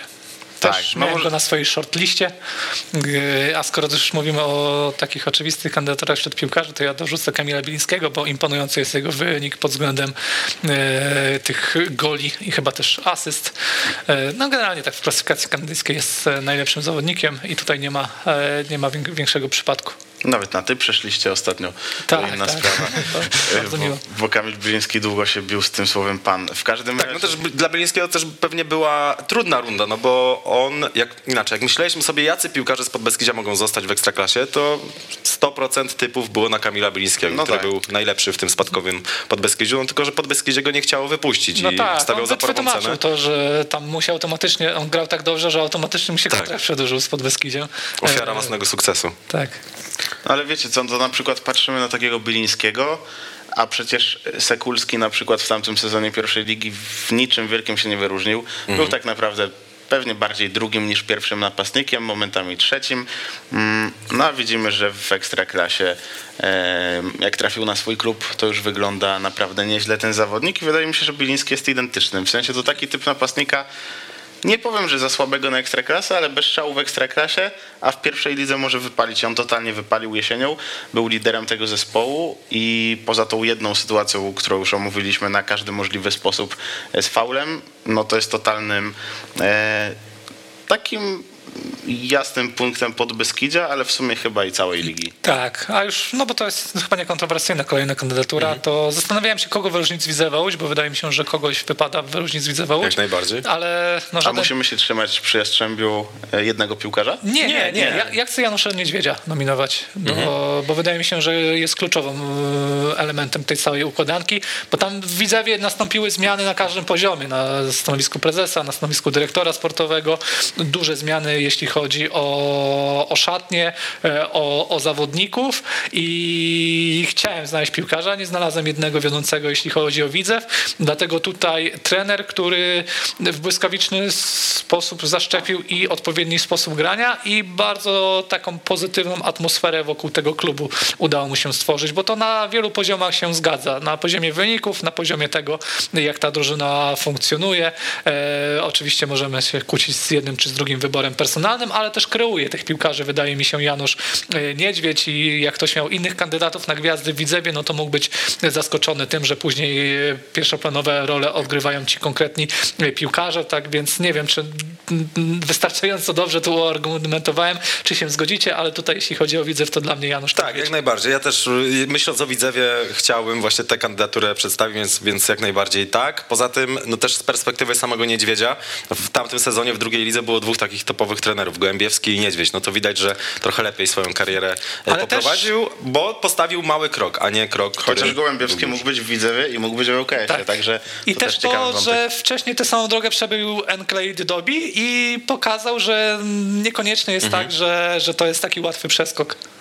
To prawda, a chwaląc Janusza Niedźwiedzia, mm, no to w sumie Roki od tego zaczął, że chcielibyśmy pochwalić cały Widzew, dlatego Niedźwiedź. To dlatego, że Niedźwiedź, ja bym rozwinął to właśnie na cały Widzew, bo jednak on się super odnalazł w Łodzi, chociażby dlatego, że prezesem klubu jest ten prezes, który go prowadził w Górniku Polkowice, czyli Mateusz Druszcz. E, No i tak naprawdę cały pion i Łukasz Stupka, i pan Wichnarek, i tak naprawdę cała drużyna wydaje się być fajnie skonsolidowana, mają jeden cel i świetne jest to, że Widzew nie mógł mieć napinki przed tym sezonem, przed startem, że ekstraklasa albo w ogóle się zawijamy, bo to jest nowy projekt i ten nowy projekt wypalił na tyle, że są wiceliderem e, na koniec roku i wydaje mi się, że tu jest naprawdę kapitał, żeby ta ekstraklasa była już za pół roku w Łodzi. Jak najbardziej. Ja, ja myślę, że zawsze jest napinka w takim klubie jak Widzew, że to, to nie jest tak, że, Znaczy jest że napinka, wiesz, ale Znaczy, jakby nie wyszło, to by się ładnie sucho, wybronili. sucho na, nie wiem, na nazwiska i tak dalej, no to pewnie przez większym sezonie miała prawo być większa, nie?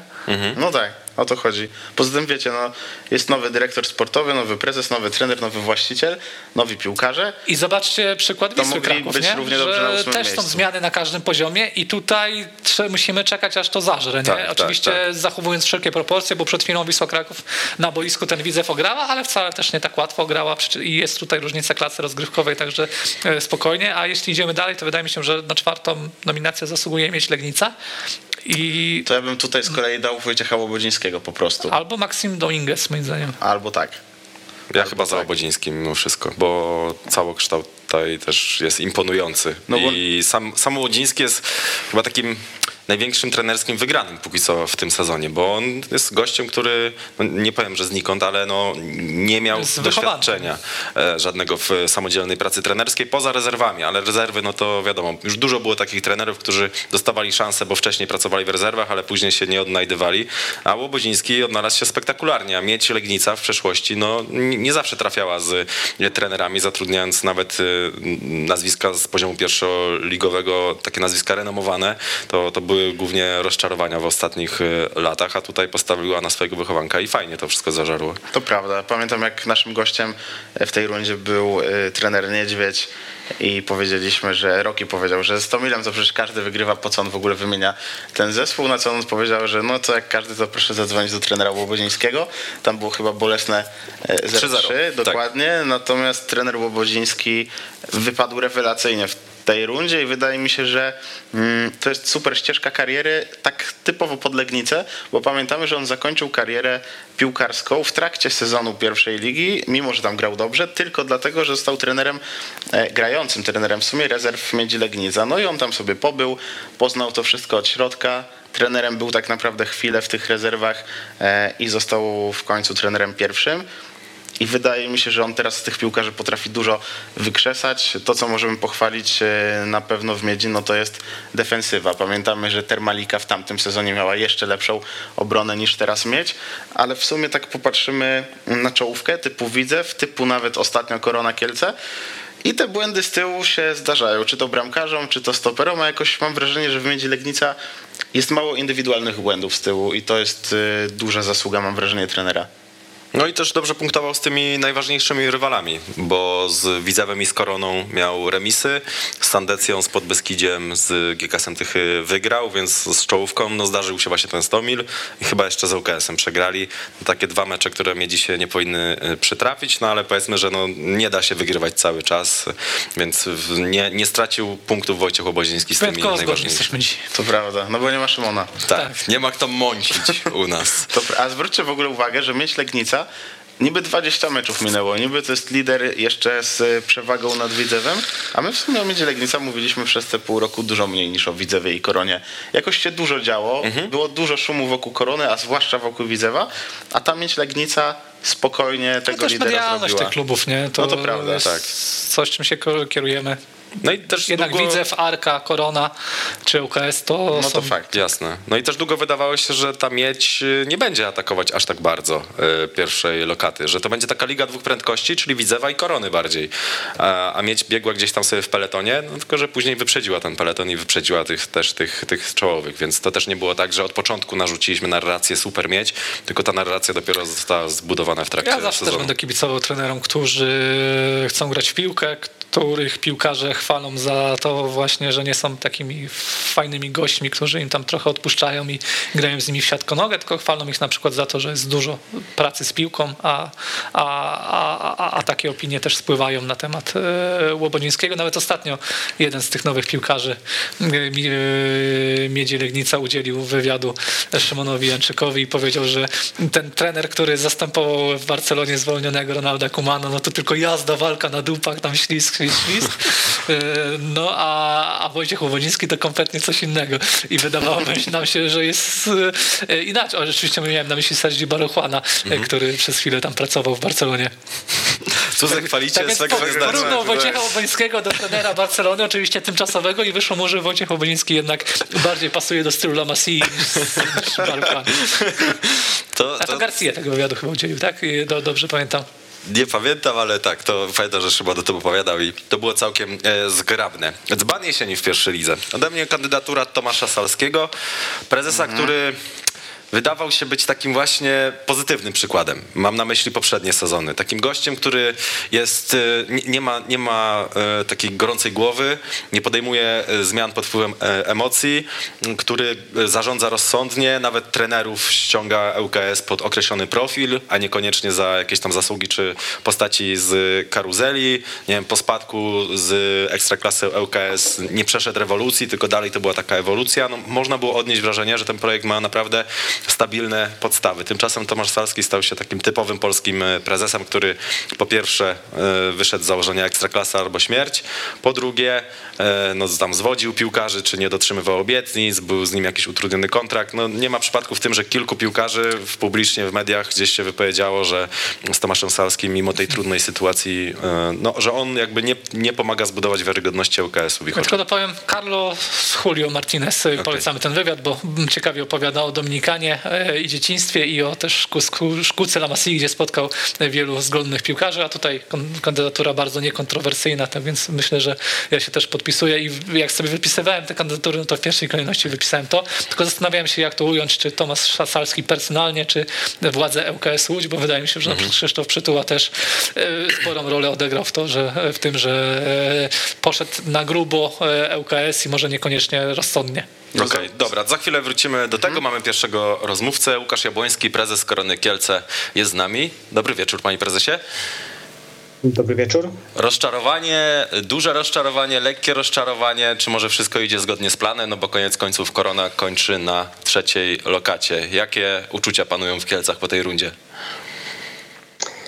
No na pewno jest y, bardzo duży niedosyt, y, ale mimo wszystko chcemy z pokorą przyjąć y, tę trzecią pozycję w tabeli. No i mimo wszystko z tego się cieszyć, tak? Bo oczywiście na początku sezonu określiliśmy jasny cel, jakim jest awans bezpośredni do ekstraklasy. No niestety zamiast miejsca 1-2 mam miejsce trzecie, brakuje nam czterech punktów do miejsca drugiego, dziewięć do miejsca pierwszego, ale tak jak wspomniałem, wspomniałem na początku swojej wypowiedzi. Z pokorą trzeba przyjąć e, to trzecie miejsce. Na pewno cieszy e, zwycięstwo z Jastrzębiem. E, piłkarze będą mieli lżejsze głowy na urlopie i mam nadzieję, że wrócą silniejsi i w nowym roku zaczniemy ten, tę drugą rundę zdecydowanie lepiej.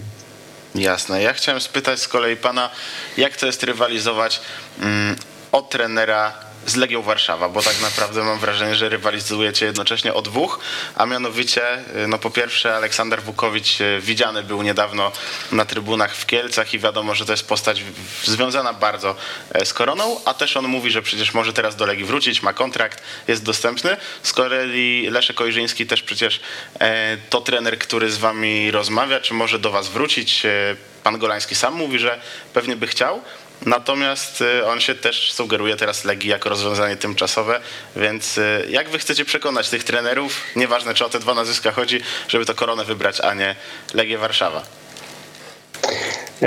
Myślę, że nie rywalizujemy z Legią, e, gramy w innej lidze. E, na pewno potencjalnych e, kandydatów czy trenerów chcemy przekonać tym nowym projektem Korony. Tak?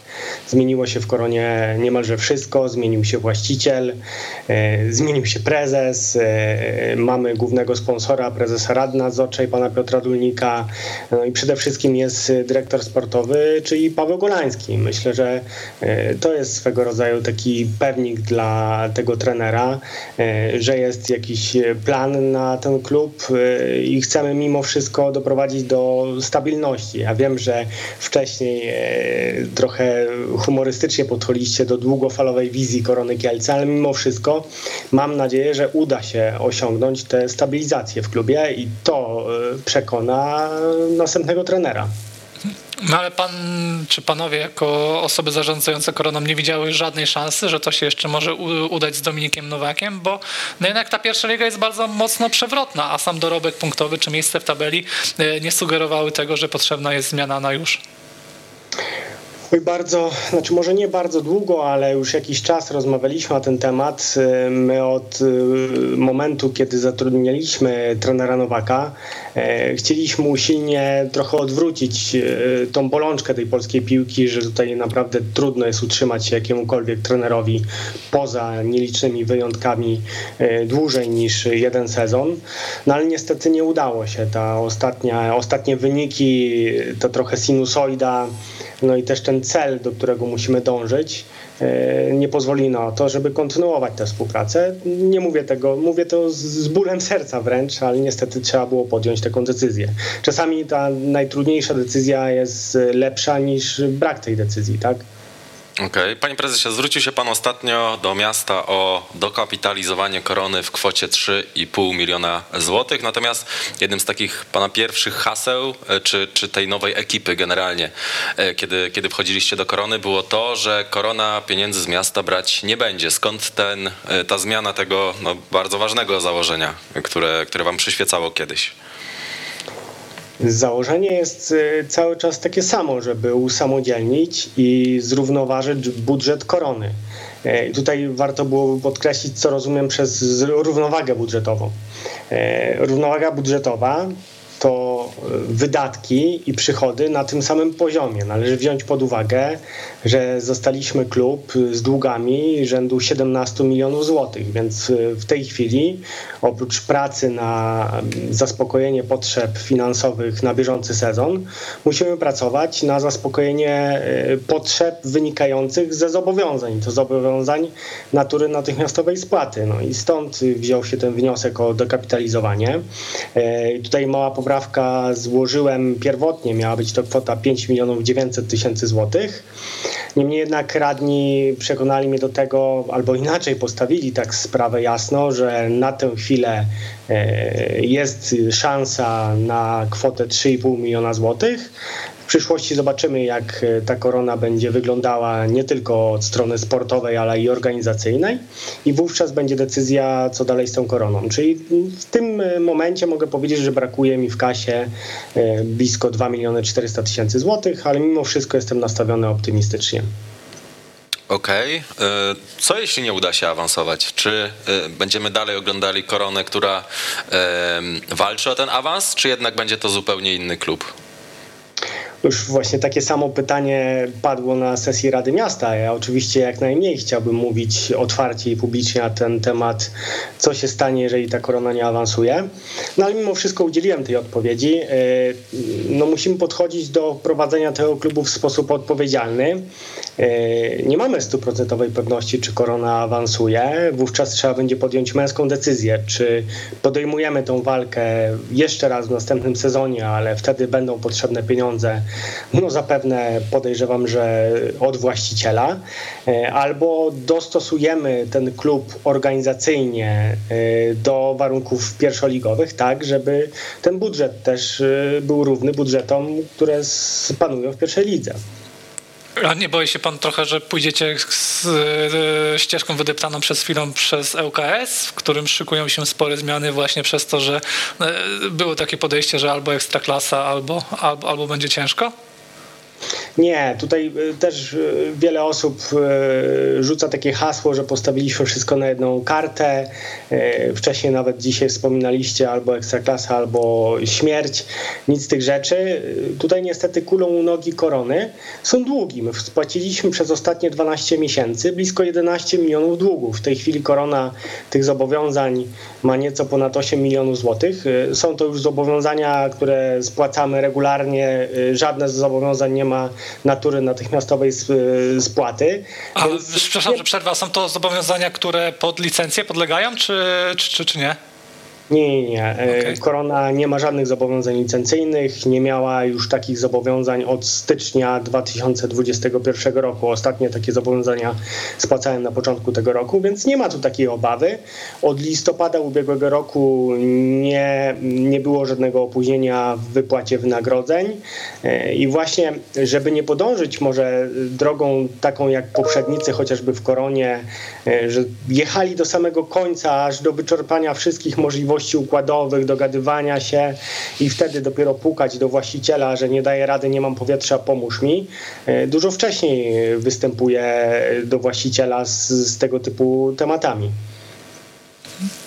No okej, okay, panie prezesie, dziękujemy w takim razie serdecznie. Ja mam jeszcze pytanie, okay, jak masz to śmiało na Bo mi się nasunęło. Jak wy oceniacie z perspektywy całej tej rundy transfery, których dokonaliście latem? Bo one były bardzo ciekawe, jeśli chodzi o nazwiska, bo te nazwiska w Ekstraklasie już grały. Tych meczów y, miały rozegranych bardzo dużo, natomiast albo były na zakręcie kariery, albo to końcówka kariery, jak w przypadku Adama Frączczaka, no i chociażby on miał fenomenalny początek sezonu, te pierwsze trzy kolejki, potem jeszcze show z Podbeskidziem, ale tak generalnie, a to kontuzje, a to e, po prostu mecze bez e, szczególnego błysku już po powrocie. Więc generalnie i Frączczaka, i tych wszystkich ściągniętych piłkarzy jakby pan ocenił na koniec. No nigdy chyba nie zdarzy się tak, żeby wszystkie transfery, które są robione w klubie sportowym okazały się w 100% wypałem, tak? Powracając do tematu Adama Frączaka, myślę, że to jest kluczowa postać w składzie Korony Kielce i taka też będzie. Dzisiaj ogłosiliśmy publicznie, którym zawodnikom dajemy wolną rękę. Z, z tego okienka letniego jest to skrócenie dwóch wypożyczeń Bortniczuka i Lewandowskiego. E, pozostałe transfery uważam osobiście za bardzo udane. No, niestety w przypadku Adama Frączaka dopadła go kontuzja. E, ja wierzę w to, jestem przekonany, że w następnej rundzie mimo wszystko będzie taki sam jak na początku i będzie błyszczał i będzie stanowił filar tej drużyny. To taka ogólna ocena może jeszcze na koniec tego letniego okna transferowego. W skali powiedzmy szkolnej 1 do 6. 1 do 6? 5. To całkiem nieźle. W takim razie to życzymy, żeby zawsze taka była skuteczność e, transferowa, także i w naszych ocenach. Łukasz Jabłoński, prezes Korony Kielce. E, dziękujemy serdecznie. Dziękuję, dobranoc. Dobrej nocy. Wracamy do tematu e, dzbanów, gdyż tam nominowaliśmy Tomasza Salskiego, a przecież to nie jedyna osoba, która przydzbaniła. No właśnie. No pytanie właśnie, które zadałem chwilę przed telefonem, czy Tomasz Salski, czy władze UKS? Dokładnie. No to kontynuując ten wątek, e, mam wrażenie, że tu jest e, dziwny przypadek, kiedy my mamy zespół, który co chwila ma jakąś wpadkę, a nie krytykujemy trenera. Bo jakoś w tym sezonie, w tej rundzie nie krytykowany był szczególnie Kibu Wikunia. Pewnie czasem powinien, pewnie czasem po prostu patrzyliśmy na to przychylnym okiem, dlatego że tych kontuzji było tak naprawdę e, no, momentami e, i 10, co było dosyć e, szokujące. I tak samo jeśli chodzi o warunki finansowe, no jeśli piłkarze nie mają płacone, to, to trudno też czasem po prostu ich w jakiś sposób zmotywować. No i ten przypadek ŁKS-u dlatego jest bardzo smutny, bo wydaje mi się, że to kiedy od, odszedł Rygard, to była taka szczególna chwila, kiedy zobaczyliśmy, że ten zespół powoli się rozpada, przynajmniej w tym kształcie, w którym chcielibyśmy go oglądać. I szczerze mówiąc, jak widzimy coś takiego, jak mamy z tyłu głowy, że pewnie ten Pirulo będzie w miarę szybko do wciągnięcia z tego klubu, żeby się tam po prostu nie marnować, to mamy wrażenie, że ten ŁKS już nie ma ambicji na ekstraklasę tylko żeby jakoś to było. I to wszystko. Żeby jest, ktoś wziął. To wszystko jest tak, smutne, żeby dokładnie. nowy, nowy właściciel się znalazł i, i w tę stronę to zmierza. Dobra, to ode mnie No to władzę możemy wpisać, ŁKS. wykonawcy rzutów Okej. karnych w 100 miluszt. Okej. No wydaje mi się, że gdyby... Ile tam było nietrafionych karnych? Cztery. Cztery, w tym jeden został dobity, także nie wiem jak to liczymy, no a też wydaje się, że niewykorzystany, a gdyby ta skuteczność była stuprocentowa, no to być może Stomil nie byłby w- dzisiaj w strefie spadkowej. To jest dobra kandydatura e, i nawet zmieściła się w ankiecie O. literowej. No, O no dobrze. Ja mam wrażenie, że jeszcze e, że jeszcze co do Stomilu, to trener Stawski trochę nie wypala na ten moment, bo jednak ta kadra jest bardzo taka sobie, ale w sumie ten trener był bardzo przez nas chwalony jeszcze w czasach bytowi bytów w pierwszej lidze, a teraz mam wrażenie, że w tym zespole jak coś się uda przepchnąć w danym meczu, to fajnie, ale generalnie to jest zespół, który nie został na przestrzeni tych 20 kolejek y, w żaden sposób złożony w całość. I mam wrażenie, że to też jest kamyczek do ogródka trenera jednak. Mhm. No dobra, no ale tutaj bym jeszcze poczekał z tą kandydaturą. Może inną, inną jakąś znajdziemy. Ja bym dał tak na odchodne, na pożegnanie e, Marcinowi Jaroszewskiemu z Zagłębia Sosnowiec, bo no Zagłębie znowu zalicza sezon, w którym walczy wyłącznie o to, żeby jakoś przetrwać. Póki, się, póki co się to udaje, fajna końcówka trenera Skowronka i, i okej, Zagłębie jest na, na dobrej drodze, natomiast no, winny za to, w którym momencie swojej historii znalazło się Zagłębie jest głównie prezes y, Jaroszewski, który e, pewnie trochę w tym klubie popsuł. No kogo mamy pociągać do odpowiedzialności, jak nie gościa, który przez 10 ponad bodaj lat e, rządził Zagłębiem, więc myślę, że tak Tak. ku pamięci powinien tutaj się znaleźć. Ku pamięci. Pamięci. No dobra, to akceptujemy myślę. Czyli mamy ostateczne? Zapisane. Władze UKS-u, wykonawcy karnych Stomilu, Marcin Jaroszewski. No i pytanie, czy trenera Stawskiego tutaj dajemy, czy widzicie kogoś innego? to może nie aż tak, no. Jak już są wykonawcy w Stomilu e, tych rzutów karnych, to może kogoś innego. Może coś ze stadionem w Częstochowie? No bo było, nie było, ta skra zagrała Tak przez samo całą rundę Starałem się jakoś poza podkre- nie, stadionem. nie podkreślić tego zamieszania wokół Dawida Błonika i czy nie nominować Sandecji za to. Mhm. Ale to może trudniej byłoby też myślałem o Dikowie z Sadecji, bo kompletne rozczarowanie. Piłkarz, Mhm. który strzelał bardzo dużo goli w Bułgarii. Co prawda na, w drugiej lidze, ale tam był bardzo dobrym egzekutorem i spore były oczekiwania względem niego, a to się kompletnie e, to kompletnie nie wypaliło. No, A czemu my w ogóle Arki Gdynia nie daliśmy? Tak Dar, Dariusz. Marzec? Nawet, nawet chyba może właściciele bardziej? A czy że tak- aż dzbany? Ja tak powiedziałem, wydaje mi się, że w- dobrą kadrę e, stworzyli w Gdyni e, właściciele tego zespołu. Mhm. Czyli Dariusz Marzec bardziej. może, ten, może, te, może ten wpływ właścicieli zespołu wykracza trochę, trochę poza te relacje, która powinna funkcjonować na poziomie właściciel-trener, że ale czy, czy to jest na tyle duża przewina, żeby aż nominować do dzbanów? Na pewno nie. rozczarowanie pewne, no Arka Gdynia to bez dwóch zdań, ale też mi się wydaje, że no Dzban to jest właśnie taki bardzo? Mhm. gość, który totalnie nie ogarnął. To, to nie jest ta półka, co władze LKS-u. A, a to powinna być ta sama półka. Myślę, że Sandecja i w dopisku Zabłanika myślę, że to jest dobra kandydatura. Mhm. Bo faktycznie jeśli chodzi o jakieś takie afery, które mieliśmy podczas No właśnie mało tego... w tym tak, sezonie. tak, W, tak. w ogóle mm, rzadko, rzadziej tematem są sędziowie, choć oczywiście popełniają błędy. Chyba tydzień temu rozmawialiśmy o meczu Chrobry Arka No tak. e, i skandalicznym sędziowaniu, e, ale no, to wprowadzenie waru jednak jest game changerem, bo ja pamiętam, że wcześniej no to w zasadzie, w zasadzie odcinek w odcinek i te pomyłki często, często były kuriozalne. Są sędziowie? Tak, tak, tak. Tam jakieś, nie wiem, ręka odgwizana w sytuacji, gdy ręki nie było. W meczu Korona Chrobry bodaj pamiętam. Bardzo dużo było tych wpadek, yy, więc warto. Ewidentnie to jest jedno z największych takich, największych plusów tego sezonu, że ten war się pojawił i jest trochę spokojniej. Wrzuciłem tę ankietę z Sandecją yy, za yy, Błanika, yy, więc możecie głosować, do czego serdecznie zapraszamy. Których trenerów byśmy jeszcze, byście jeszcze wyróżnili tak słowem dobrym, No, poza pra- Łobodzińskim, poza Niedźwiedziem, bo oni już tutaj padali. No, wydaje mi się, że wybierali, Jawny, tak? wybieralibyśmy pomiędzy nimi, Mhm. e, gdybyśmy mieli wybierać trenera rundy.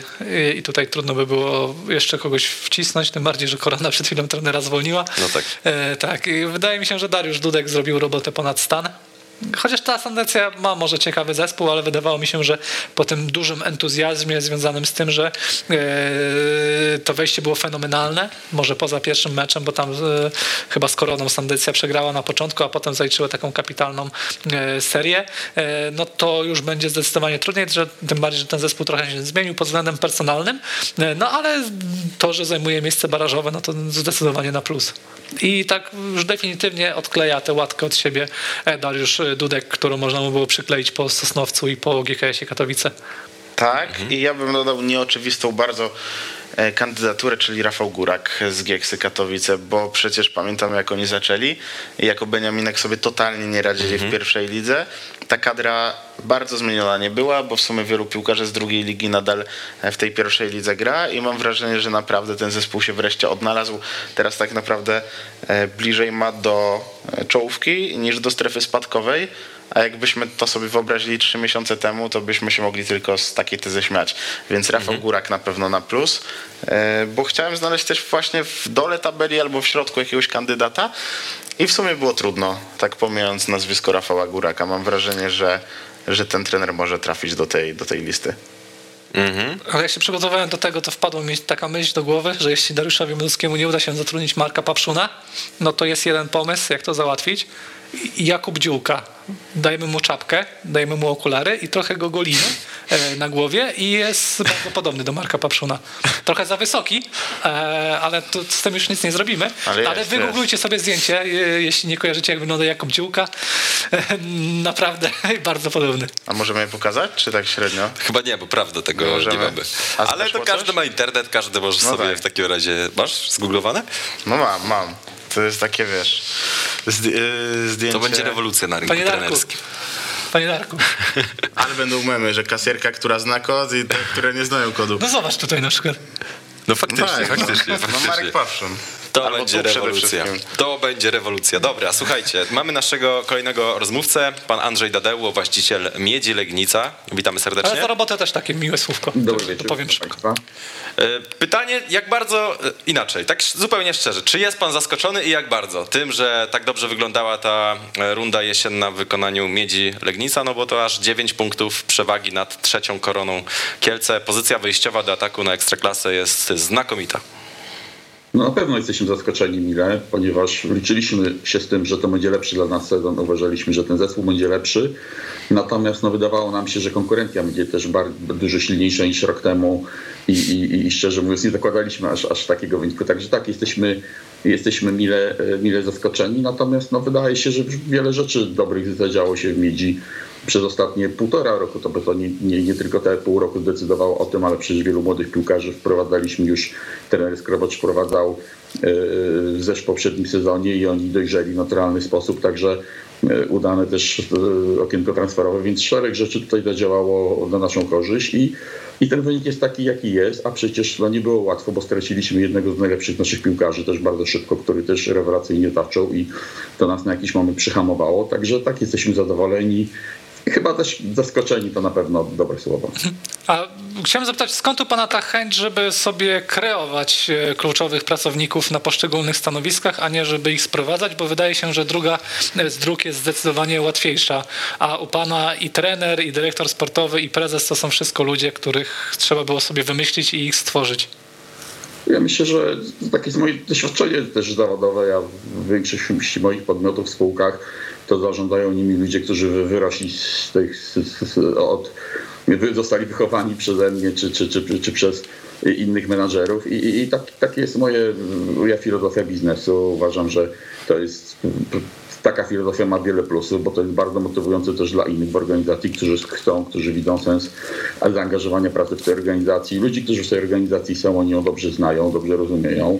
Młodość ma też to do siebie, że, że, że, że młodzi, inteligentni ludzie się szybko rozwijają, uczą, nabierają doświadczenia. To oczywiście na początku to to, to y, początki mogą być trudne i w Midzi też niektórych osób były, tak jak Marko Bycha na przykład, ale z czasem ci ludzie nabierają doświadczenia i, i, i, i, uczą się, rozwijają i, i takie jest, tak jak powiedziałem, taka jest moja filozofia biznesu i, i w tych moich spółkach, czy tej największej notowanej na giełdzie, tam, tam w zarządzie są ludzie, którzy po prostu od 10 lat zaczynali budować tę firmę i, i tak samo Midzi Legnica i muszę powiedzieć, że że to mi się sprawdzało i chyba teraz w Legnicy też się sprawdza. A pamięta pan może ten moment, w którym pomyślał pan sobie, że Wojciech Łobodziński to będzie pański trener w Miedzi? To znaczy, no, od dawna, od dawna, już nie, pan- takiego momentu nie pamiętam, ale obserwuję Wojtka od dawna i chyba taki moment e, pierwszy to był, kiedy otrzymałem informację, jak Wojtek pracuje jako, jako zawodnik, który, który jako już nie zawodnik, ale też jeszcze nie trener, ale jako asystent, który pracuje gdzieś, pomaga przy klubie, kiedy po prostu widać było jaką, jakość i, i, i pracowitość jego zaangażowanie, no to, to, to takie pierwsze momenty były, w którym sobie pomyśleliśmy, fajnie by było, żeby to był trener, bo przecież doświadczenie piłkarskie ma on ogromne, pracował w wielu szatniach drużyny, natomiast już z czasem, kiedy był asystentem pierwszego zespołu u Ilka Kościniaka czy, czy, czy u trenera Skrobacza, to tak, to już szykowaliśmy go na to stanowisko i takim głównym elementem, który ten zadecydował, było prowadzenie zespołu rezerw. On przyjął drużynę rezerw, która broniła się przed spadkiem, która nie mogła wygrać meczu i bardzo szybko zrobił średnio dwa punkty z, z tą drużyną. Rozmawialiśmy na, na, z nim na temat tego, jaka jest jego filozofia budowania mieć, gdyby został trenerem. Bardzo nam się spodobała ta, ta, ta, ta filozofia. Rozmawialiśmy o, o, o kadrze, tych wszystkich elementach, które są ważne w tym, jak ta drużyna funkcjonuje. I muszę powiedzieć, że byliśmy y, Oczywiście to, to było ryzyko nowy trener, ale byliśmy bardzo podekscytowani tą wizją pracy z trenerem Łobodzińskim w tym sezonie i cieszę się, że to się tak wszystko na razie udaje. A ta udana runda jesienna sprawiła, że wy jeszcze dociśniecie ten pedał gazu i mam tutaj na myśli transfery i uznajecie, że należy tę kadrę jakoś e, mocniej e, rozbudować, czy, czy może niekoniecznie? Czy, czy uważacie, że w tych, wśród tych piłkarzy, których teraz macie, jest jakiś ukryty potencjał i te transfery nie są zbyt e, takie konieczne? Nie, nie chcielibyśmy teraz y, za dużo zmieniać w tym zespole, ponieważ jest tam wielu młodych piłkarzy, którzy się bardzo dobrze rozwijają, którzy się też pokazali z dobrej strony i nie chcielibyśmy ich zamykać, y, ponieważ po prostu jesteśmy z nich zadowoleni. Ten zespół w naturalny sposób uważamy będzie silniejszy. Do po, po pierwsze wrócą nam piłkarze kontuzjowani. Tu Krzysiek Drzazga już myślę w styczniu zacznie treningi. Mamy też Martinę Dak, który, który nie był dostępny dla trenerów w ostatnich meczach. Y, Poza tym no po to to jest zespół młody, który w naturalny sposób ma się rozwijać. To jest jego siłą. Mamy z zespołów czołowych chyba najmłodszy zespół. To jest pewna nowość dla Midzi, ale w pierwszym składzie nie mieliśmy żadnego zawodnika po 30 w tych ostatnich meczach przynajmniej. E, Bo, bo w całej kadrze mamy tylko dwóch takich zawodników, także a za to wielu tych zawodników, którzy niedawno skończyli 20 lat, więc w naturalny sposób uważam, że z półrocza na półrocze ten zespół powinien być silniejszy, także, także on będzie silniejszy, będzie lepszy. E, Aczkolwiek, no jeśli na prawej obronie grał Marcin Garu w niektórych meczach, co oczywiście Marcin jest wspaniałym zawodnikiem i nam pomoże, natomiast no może nie na tej pozycji, bo to wtedy ułatwienie dla rywali było, było łatwe. Była długa piłka, po prostu wysoka grana na prawą stronę przy każdym ataku i, i, i to nawet y, dla, dla rywali to oczywiście miało to sens, więc skoro, skoro to, to, to, to na pewno warto tą sytuację przeanalizować, czy, czy na tej pozycji ta, ta, ta, ta y, y, głębokość tego składu jest i, i trener Budziński ma, ma zgodę na to, żeby, żeby tutaj jeszcze jakiejś pozycji czy alternatywy poszukać, natomiast generalnie to będziemy pracować nad tym, co, co jest. Oczywiście też ci młodzi piłkarze nie wzbudzają zainteresowanie klubów. Mieliśmy już dwa zapytania odnośnie Maksima Domingueza i y, y, Patryka Makucha. No my jako klub zawsze nie chcieliśmy blokować kariery zawodnikom, natomiast no jest chyba rzeczą oczywistą, że w sytuacji, w której dla nas to jest tak ważne, wykorzystanie tej szansy na awans, to, to tutaj odejść, odejść nie będzie i będziemy otwarci oczywiście na, na te rozmowy, ale, ale już za pół roku. Jasne. Jeśli chodzi o Wojciecha Łobodzińskiego, to no dzisiaj faktycznie skupiamy się na jego postaci akurat w rozmowie z panem, ale e, pan udzielił przed sezonem wywiadu na Weszło, gdzie powiedział, że będziemy się przyglądać jego pracy, bo tak naprawdę podejmujemy duże ryzyko. To chciałem spytać, co wynikło z tego przyglądania się? Poza wynikiem, który widzimy, mm, to co zobaczyliście już w pierwszej drużynie, tak faktycznie analizując, jak trener już Łobodziński e, pracuje z zespołem? No bardzo dobrze, to, to, to jest, bo już oprócz samej gry, atmosfera też myślę, że ją widać również na, na boisku y, po meczach, y, reagowanie na wydarzenia wydarzenia na boisku. Przecież proszę zwrócić uwagę, że mieć w drugich połowach gra lepiej, to nie tylko jest przygotowanie fizyczne, to też jest reakcja trenera w przerwie meczu, to, to nawet moja siostra, która ogląda w zasadzie tylko mecze piłki nożnej, Miedzi Legnica, bo, bo się piłką do tej pory interesowała, to, to zwróciła mi uwagę i miała rację, że zawsze ta miedź jak wychodzi po przerwie, to jest dużo lepsza, dużo bardziej skuteczna, dużo, dużo, dużo, dużo bardziej poukładana, bo, bo, bo trener wie jak, jak zareagować. Także dużo takich pozytywnych elementów y, z tego wynika. Jesteśmy no bardzo zadowoleni z tej pracy, nie tylko z wyniku, bo wynik czasami jest pochodną wielu elementów. Tutaj po prostu to, to na pewno y, ojcem tego sukcesu jest Wojtek Obudziński głównym i, i, i, i, i tak też uważamy. I, i, i, no i trudno teraz mówić o przyglądaniu się, bo to, to, to było bardzo przyjemne patrzeć na to, jak mieć gra, a z drugiej strony patrzeć też, jak, jak pracuje, jak dokonuje transferów.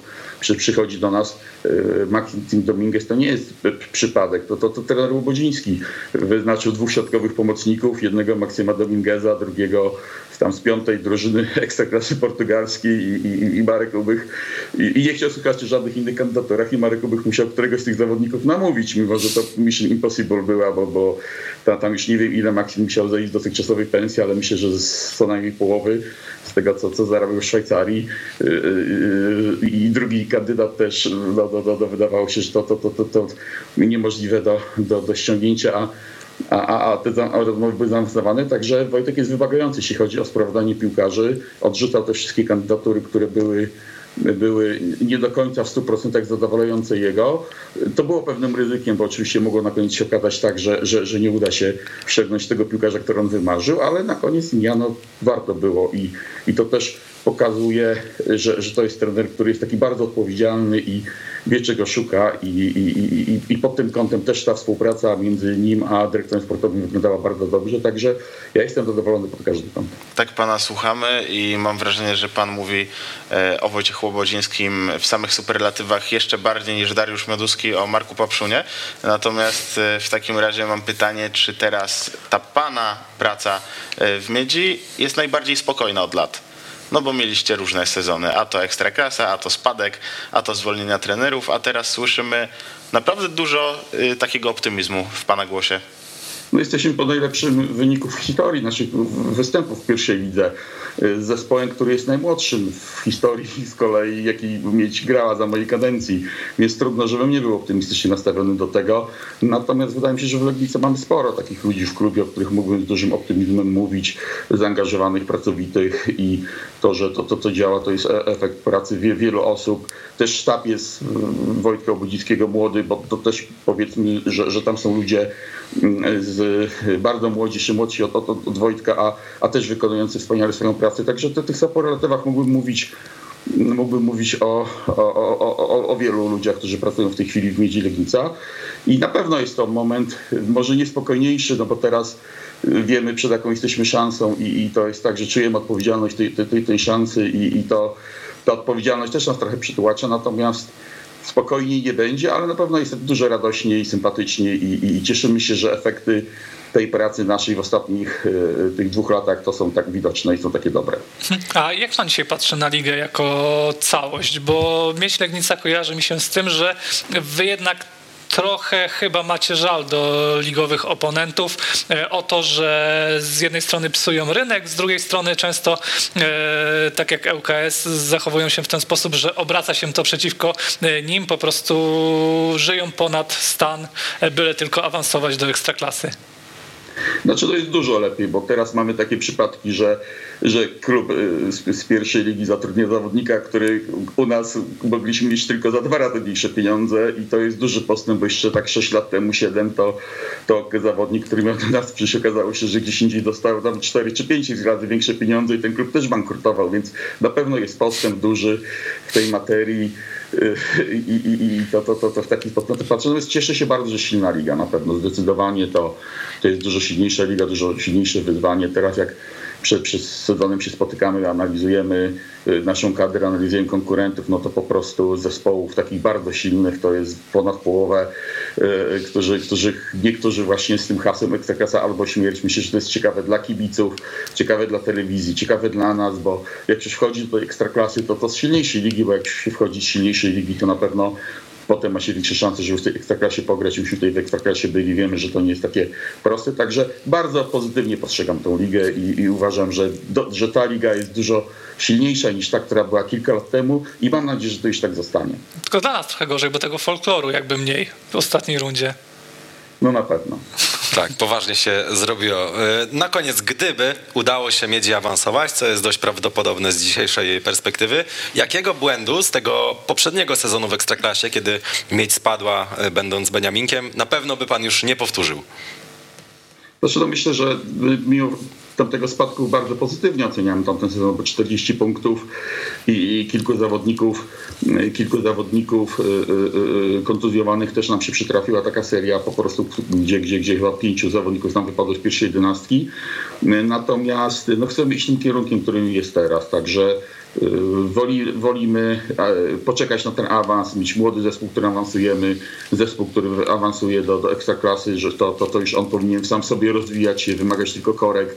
Także wtedy weszliśmy zespołem bardzo mocno y, zaawansowanym wiekowo. Y, trzeba było no, no, tych, tych, tych piłkarzy szukać wtedy, którzy wzmocnią to, to, to, to tak na troszkę na siłę tą drużynę. Teraz chcielibyśmy wejść zespołem, który jest gotowy do gry, do rywalizacji z, w Ekstraklasie, który trzeba uzupełnić tylko, gdzie, gdzie w tym zespole będą się rozwijać ci zawodnicy w sposób naturalny, bo, bo zespół młody się w naturalny sposób rozwija i, i, i, i, i tak to, to myślę, że te błędy przy awansie do Ekstraklasy to już ich y, y, y, jak gdyby na starcie uniknęliśmy i będziemy się tego trzymać. Okej, okay, no to tego w takim razie życzymy i dziękujemy za poświęcony czas. Andrzej Dadeło, właściciel Miedzi Legnica był naszym gościem. Dziękuję bardzo. Pozdrawiamy serdecznie. Taka y, autentyczna radość z tej rundy bije z właściciela Biedzi mieliśmy Legicowie w Redrzezie. jeszcze chyba w pierwszej Bardzo, bardzo sezonie. tak, widać, że autentycznie zajarany jest tym, co, co się wydarzyło w Legnicy. No jeszcze Janusz Niedźwiedź był bardzo pozytywnie nastawiony. No tak. Ale to chyba Tak. u niego norma, niezależnie od tego, co się dzieje. Nie, do kilku byśmy jeszcze znaleźli pewnie e, pozytywnie nastawionych. E, Ale rzeczywiście takiego folkloru jest bardzo mało, bo nawet w poprzednim sezonie ta Rysowia zwalniająca Szymona Grabowskiego, zatrudniająca. Tak. później, tych historii było bardzo dużo, takich, e, takich po, pokazujących, że pierwsza liga się profesjonalizuje, ale w takim tempie powiedziałbym, e, które pozostawia trochę do życzenia, a dzisiaj jednak w tych klubach wygląda to e, trochę inaczej. Tak sobie myślałem o największym skandalu, bo też Kuba nam rzucił takie hasło pod, przed tak, ale to programem. już chyba wszystko wygadaliśmy, jeśli chodzi o Nie, wydaje mi się, że ten samochód z Jarosława Kołakowskiego, który spłonął No, pod stadionem. Pytanie, No czy to zaliczymy do tego sezonu, czy to jest rzecz trochę wykraczająca poza, poza naszą Rozgrywki. tematykę. Czy rzecz, którą nie powinniśmy się zajmować w programach publicystycznych, tylko powinna się zajmować tym policja, tak? No tak. Z drugiej, z drugiej strony czasem poruszamy takie tematy, jak Wojtka Piele y, otoczyła policja pod Widzewem, to też pokazaliśmy. Ale nie, no tak, Tak, no, na pewno jest skandal totalny, no ale takich typowo piłkarskich, jeśli chodzi o zarządzanie i tak dalej, to, to faktycznie jest ich niewiele. Smuci nas to trochę, przynajmniej mnie, no ale no. Nie no, mnie na przykład cieszy Może to, taka jak runda się po- prostu powiem. Jak już powiedziałem, cieszy mnie to, że ten bar w pierwszej lidze nie jest doskonały, bo zdecydowanie nie jest doskonały. To jest taki war w wersji mini i na przykład to, że tam na jednym stadionie tego waru nie ma, no to też jest karygodne, ale generalnie y, skok jakościowy, jeśli chodzi o sędziowanie, da się zauważyć. Mhm, tak. Tylko to, pytanie, tam poprzeczka była wkopana 5 metrów pod ziemią, także spokojnie. To, tym, tym stadionem jest Chrobry Głogów. No, ja mam nadzieję, że to się zmieni, że oni będą infrastrukturalnie gotowi na to, żeby ten war przyjąć, no bo to, to trochę skandal, że przez pół roku nie, nie dali rady. No jest. Ja mam wrażenie, że oni po prostu nie byli dociśnięci odpowiednio, bo Chrobry raczej ma takie możliwości, że jakby musiał to zrobić i się przystosować do waru, to jakoś by sobie z tym e, poradzili, no bo to jest klub jednak, e, który piłkarze bardzo chwalą, że jak tam idą, to mają taką bazę do, trening, do treningu. Oni dopiero co stadion remontowali przecież. No właśnie o to chodzi. Oni tam naprawdę mają dobre możliwości jak na pierwszą ligę Mhm. i każdy chwali, że to jest super klub e, dla trenera, bo tam sobie może pozwolić Spokój. naprawdę na wszystko, ma spokój i ma super warunki, więc faktycznie jest to jakiś skandal, że tam nie można e, postawić waru. Mhm. Kto was najbardziej rozczarował i oczarował? Po jednym nazwisku. Nazwisku koniecznie? No albo klub też może Dobra, być. to, to zacząłbym od e, oczarowania, ale w sumie tu wiele mądrego nie powiem, czyli po prostu Wojciech Łobodziński. Już o nim dużo mówiliśmy, więc nie będę rozwijał. A drugi punkt to jest magia Widzewa Łódź, bo poza tym, że wyniki się zgodziły, to naprawdę ten klub znowu ma taką atmosferę serca Łodzi i te derby, na których miałem przyjemność być, miały niesamowitą atmosferę.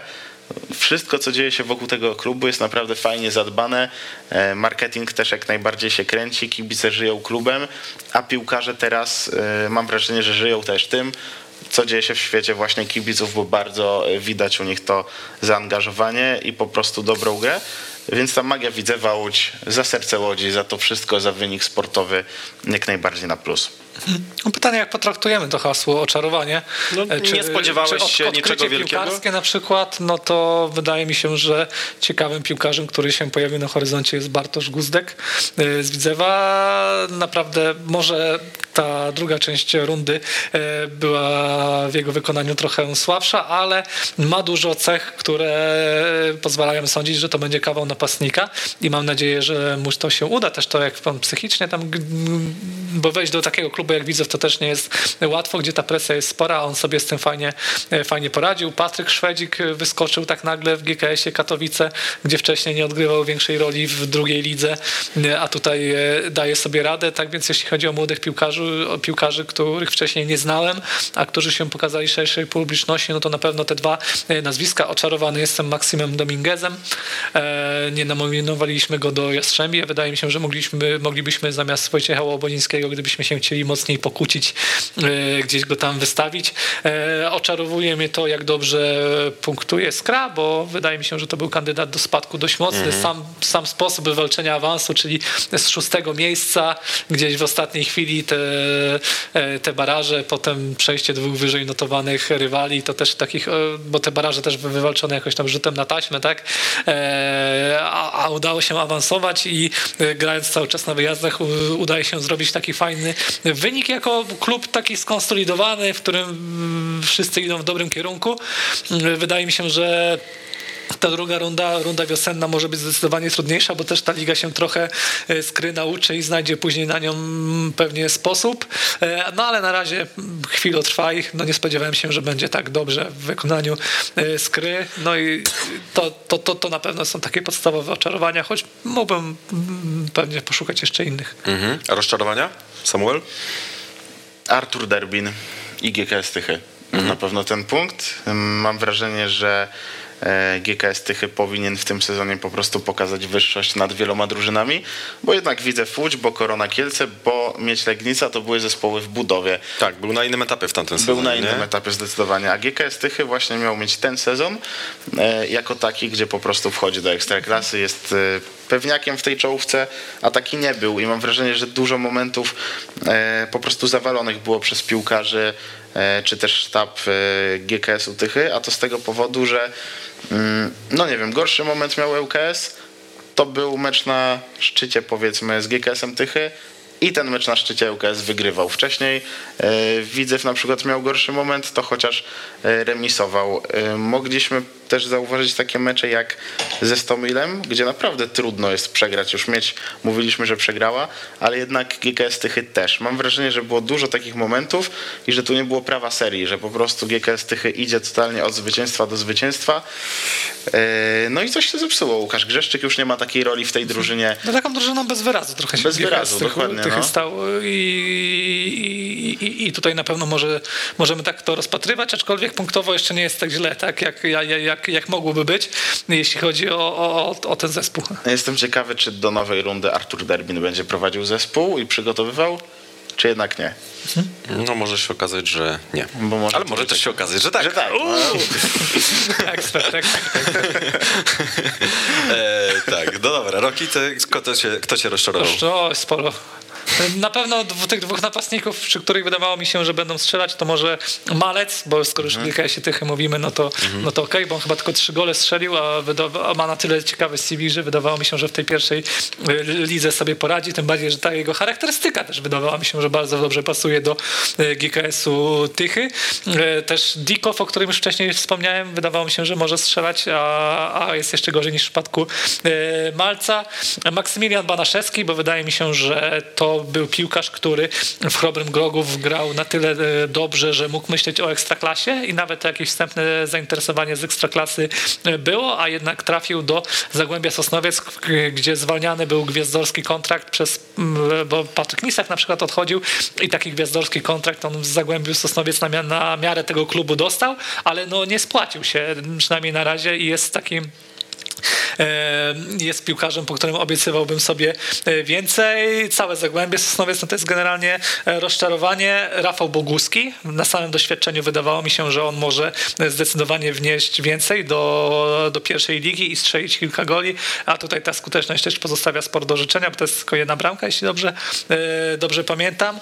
E, Idąc dalej, Arka, władze LKS-u, ale to już powiedzieliśmy i władze LKS-u mnie jeszcze przede wszystkim rozczarowały na poziomie lu- ludzkim, bo wydawało mi się, że to jest jeden z rozsądnie zarządzanych klubów, a, a niekoniecznie. E, Costa na, na Mojnesu, ale to trochę na, Mojne, na Mojnesku, ale to trochę pech, bo on zagrał w jednym meczu chyba i, i gdzieś tam te problemy zdrowotne później e, nie pozwoliły e, się przebić. I No, ale jego transfer jest rozczarowaniem, to na pewno. tak, tak. Bo wydaje, transfer. tak, i wydaje mi się, że z tego będzie się Podbeskidzie chciało jakoś wykaraskać i wycofać, bo on no, grał w Czechach długo, grał y, w Indiach, także no, pewnie ma swoje oczekiwania finansowe i z takimi oczekiwaniami finansowymi, y, chociaż nie jest najmłodszym piłkarzem, tylko jest piłkarzem bardzo doświadczonym. do- 35 lat chyba, nie? do Podbeskidzia przyjechał, to na pewno jako, jako ruch to jest e, rozczarowanie. Wydaje mi się, że e, Hiszpanie w ŁKS-ie, czy ci dwaj nowi, czyli Monsalve i Garcia.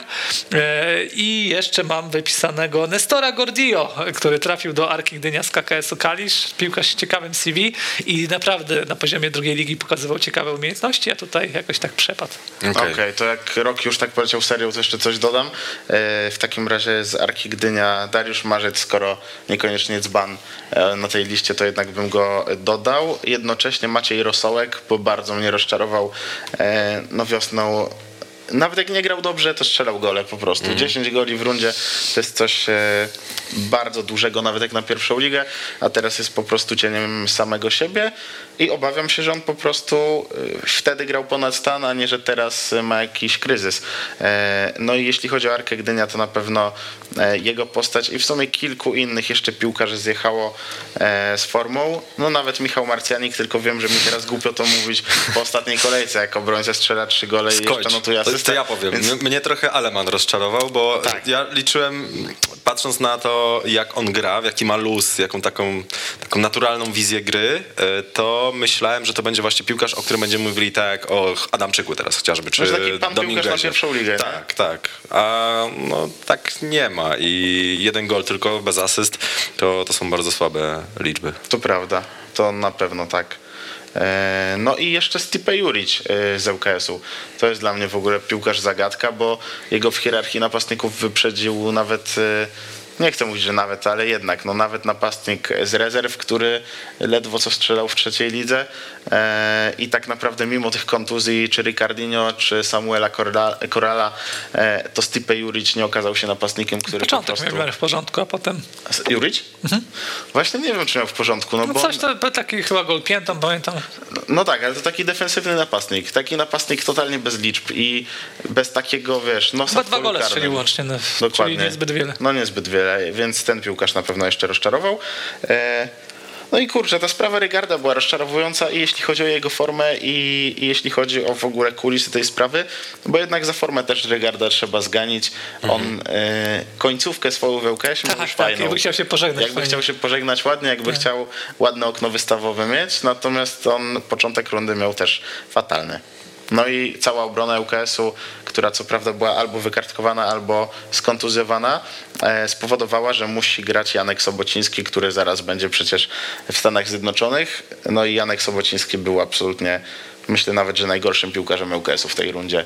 E, to też nie jest dla niego ładna laurka, no ale po prostu to jest jedno wielkie rozczarowanie w tej rundzie. Jego postać. Okej, okay. zobaczmy wyniki. E, sąd, najpierw ekstraklasowe, tych pierwszoligowych chyba jeszcze nie mamy, to je, mm, to je wyczytam, ale zobaczmy sobie ekstraklasę. A młodzieżowiec waszym zdaniem? Bo to byłem ciekawy, jak sobie przygotowywałem. To pomyślcie Krótko. nad tym, a ja Dobra. powiem. E, młodzieżowiec w ekstraklasie to a. najlepszy w tej kolejce to Kamiński, Lederman drugi, trzeci Kubica, czwarty Gerbowski. E, jedźmy dalej z ankietami. Borysiuk kolejkę, najładniejszy gol. Lukas Podolski, drugi Ilkay Durmusz, trzeci y, Damian Gąska, czwarty Ben Lederman. Nie doceniliście tego Ledermana, ale y, no, Podolski faktycznie ładnie zapakował. Dzban kolejki Dominik Furman, drugi Jarosław Przybył. Kurde, byłem przekonany, że wygra Jarosław Przybył. E, trzeci Ksawier Dziekoński. W sumie mogłem, mogliśmy tutaj XD po prostu napisać, było wiadomo. I e, czwarty Andrzej Niewulis. Jeszcze nam został Jastrząb, czyli najjaśniejsza postać w minionej kolejce. Kamil Grosicki, drugi Durmusz, trzeci Nowak, czwarty e, Gąska.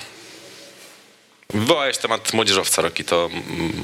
Byłem ciekawy waszych typów. No dla mnie... Bo się długo zastanawiałem nad tym e, i chcę najpierw powiedzcie potem. A chyba w tamtym sezonie tak ogólne wrażenie yy, lepsi byli młodzieżowcy. Czy więcej takich mhm. oczywistych kandydatur. No bo ja bym Gustka wskazał, którego, o którym już mówiłeś. Tak. Jako takiego top. Gustek to jest taki top, bo po nim się nie spodziewaliśmy, bo przecież Montini i Dani Villanueva zostali ściągnięci do ataku, a jednak gra Gustek. No i, no i może jeszcze y, Piła z Chrobrego. No, to właśnie mój No ale to tak patrzymy trochę na niego, przynajmniej ja patrzę przez pryzmat y, U21. Aż tyle meczów chrobrego nie widziałem, żeby, żeby mieć o nim jakieś zdanie, no, ale liczby ok.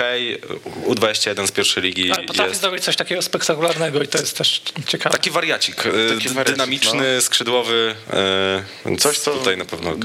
Karol Danielak Taki, co raczej mu zagrasz taką długą piłę, a nie taki do bujanki. To prawda. Coś taki, że chcie- chcielibyśmy, żeby w Ekstraklasie zagrał. Tym bardziej, że będzie młodzieżowcem też w przyszłym sezonie w Ekstraklasie. Chyba chyba, nie? się to dokona. Będzie, będzie. 2001, tak.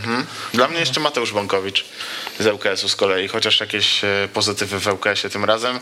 Prawy obrońca, 2001 rocznik i wydaje mi się, że to taki piłkarz, który zjawił się znikąd, wygrał rywalizację, e, bo tylko Dankowski był kontuzjowany, a generalnie tam chociażby z Szeligą miał rywalizować i on po prostu okazał się e, lepszy, okazał się odkryciem. Z liczbami zaczął ten sezon mm, i naprawdę dobrze wyglądał na tej prawej obronie, bo zarówno z tyłu wszystko wyglądało tak jak należy, ale przede wszystkim z przodu dawał, e, no był takim motorem Ale chyba trochę za mało, żeby, żeby go aż tak wysoko stawiać. Znaczy nie mówię, że to Jeszcze, mu- tak, tak. Nie młodzieżowiec rundy, za piłą na pewno, ale po prostu bym pochwalił. Na pewno Szymczak miał momenty i wydaje mi się, że może dostać poważną szansę w Lechu Poznań w przyszłym sezonie. Może te liczby go aż tak super nie bronią, ale też co, co, No, coś tam... ostatnio jednak bramkę w tej kolejce zapakował. No, ale no właśnie to, to, to, co on pokazuje, nie? I przy ofensywnie grającym zespole, to wydaje się, że on może strzelać sporo goli. Tak. E, No bo ten wachlarz umiejętności już tak na ten wiek ma bardzo duży. Kobacki miał momenty, na pewno moim zdaniem i piłkarz, który nie obronił się moim zdaniem na przestrzeni całej rundy, ale jest bardzo ciekawym materiałem, czyli Marcin Szpakowski z Korony. Mhm. Tu jak najbardziej jest y, zgoda. E, za moment będziemy mieli wyniki ankiet, więc sobie y, na nie poczekamy. Będziemy tęsknić za pierwszą ligą generalnie. E, czy waszym zdaniem Miedź i Widzew tak to się zakończy? Czy spodziewacie się Korona, że będzie atakować po tym, jak 3,5 miliona dostanie? Może Sandecja znowu szturm na wiosnę? Sandecja Może nie. Arka się ogarnie? Ja bym nie lekceważył Podbeskidzie w kontekście awansu. No też ja wiem, że Podbeskidzie, wcześniej, tak, wcześniej, wcześniej, bo wcześniej, kiedy przed sezonem my robiliśmy takie, kto spadnie, jak to awansuje, no to wytypowałem Podbeskidzie do e, bezpośredniego awansu, więc teraz chcę się po prostu tego trzymać i może to będzie takie, tak, że, że, że, że się spełni jakoś, E, ale wydaje mi się, że jest jeszcze potencjał nie do końca wykorzystany w tym zespole. Możliwe bardzo. Ja natomiast widzę potencjał w GKS-ie właśnie, bo są bezbarwni, ale jestem bardzo ciekawy, co się stanie zimą, bo albo Artur Derbin po prostu dostanie odpowiednio dużo czasu i pewnie też wsparcia w postaci piłkarzy nowych, żeby e, ten zespół dźwignąć, albo zobaczymy nowego trenera i wtedy jestem bardzo ciekawy, kogo Leszek Bartyński wybierze, bo jednak po tych trzech ostatnich porażkach Mam wrażenie, że bardziej Wajcha idzie w stronę zwolnienia Artura Derbina niż dania mu e, szansy, e, ale to tylko przeczucia. Natomiast jeśli chodzi o czołówkę, to dla mnie Widzew i Miecz Legnica jednak tak. A ta Korona Kielce, no właśnie, kogo zatrudnią? To jest pytanie. Czy nie będzie tak naprawdę nowego trenera z dużym nazwiskiem, czy będzie? Bo jeśli przyjdzie Leszek Ojrzyński, czy Aleksander Wukowicz, czy ktokolwiek inny typu e, Piotr Tworek. Wiem, że Korona też zagrała grubo i się odezwała do Piotra Stokowca. Mhm, e, więc, Ambitnie. powiem, więc powiem wam, no to oczywiście bez szans na powodzenie, ale jeśli aż tak ambitnie do tego podejdzie Korona Kielce, to kto wie, czy po prostu w tej dwójce się nie znajdzie. Tak, no każdy z tych trzech trenerów, y, abstrahując od Piotra Stokowca, myślę, że jest takim gwarantem tego, że to będzie solidna wiosna w wykonaniu korony. Mamy już wyniki ankiet. Zobaczmy sobie, kto został dzbanem y, rundy jesiennej pierwszej ligi. O, duża przewaga, władze UKS-u. No w sumie to musiało się wydarzyć. Drugie miejsce karne 100 milu, czy też wykonawcy karnych 100 milu. E, Trzecia Sandecja, przy czym, przy czym tutaj jest gwiazdka. E, Chodzi nam konkretnie o aferę z Dawidem Błanikiem, a nie za całokształt. I Marcin Jaroszewski, niedoceniony przez was na ostatniej... e, Albo doceniony wręcz. Albo, do, albo, Albo doceniony, doceniony. tak. E, otóż to i Jastrząb Jesieni, został nim fanfary Janusz Niedźwiedź, e, na drugim miejscu Kamil Biliński, na trzecim Wojciech Obodziński, na czwartym Hubert Adamczyk. No dość wyrównana była ta e, Ale stawka kurczę, bez wielkiej przewagi. Ale dla mnie właśnie za duża różnica między trenerem Niedźwiedziem a trenerem Łobodzińskim. Mam wrażenie, że Widzew ma po prostu dużo więcej kibiców i to mogło zaważyć. Ja tam widziałem, Mogę że tak tak po 10 czy 15 minutach Biliński prowadził dość zdecydowanie, ale wtedy nastąpiła mobilizacja Na Twitterze Widzewa, tak? Jazda, szturmujemy, głosujemy. Dziękujemy wam e, serdecznie, Samuel Szygierski. Dziękuję. Mateusz Okuszewski. Dziękujemy też w imieniu Szymona Jęczyka, który był naszą podporą merytoryczną, jeśli chodzi o pierwszą ligę. To tak jest. prawda. I będzie dalej, i będzie dalej. Ale E, widzę, że czat y, znalazł już usprawiedliwienie, że po prostu Janczyk przepił karierę. Więc jeśli to prawda, Tak było, tak było. My nie będziemy tego dementować. Dziękujemy serdecznie. Widzimy się za tydzień tylko Ekstraklasie, a z pierwszą ligą wracamy na wiosnę. Weszło FM. Najlepsze radio sportowe. Carvajal jest już e, tak, że Luka Modric nam cały czas nie działa w wiatrach, więc Wojtek zrobił go sobie z kartki o formacie A4. Ależ on wachluje, ależ wyćwiczony nadgarstek. Widać, że nie raz, nie dwa. Musiał sobie radzić w Sewilli w tak ciężkich sytuacjach, ale może wróćmy do meczu. Choć nie, Real Madryt znowu zatrzymany. Wracamy więc do Kowala. Weszło FM. Najlepsze radio sportowe.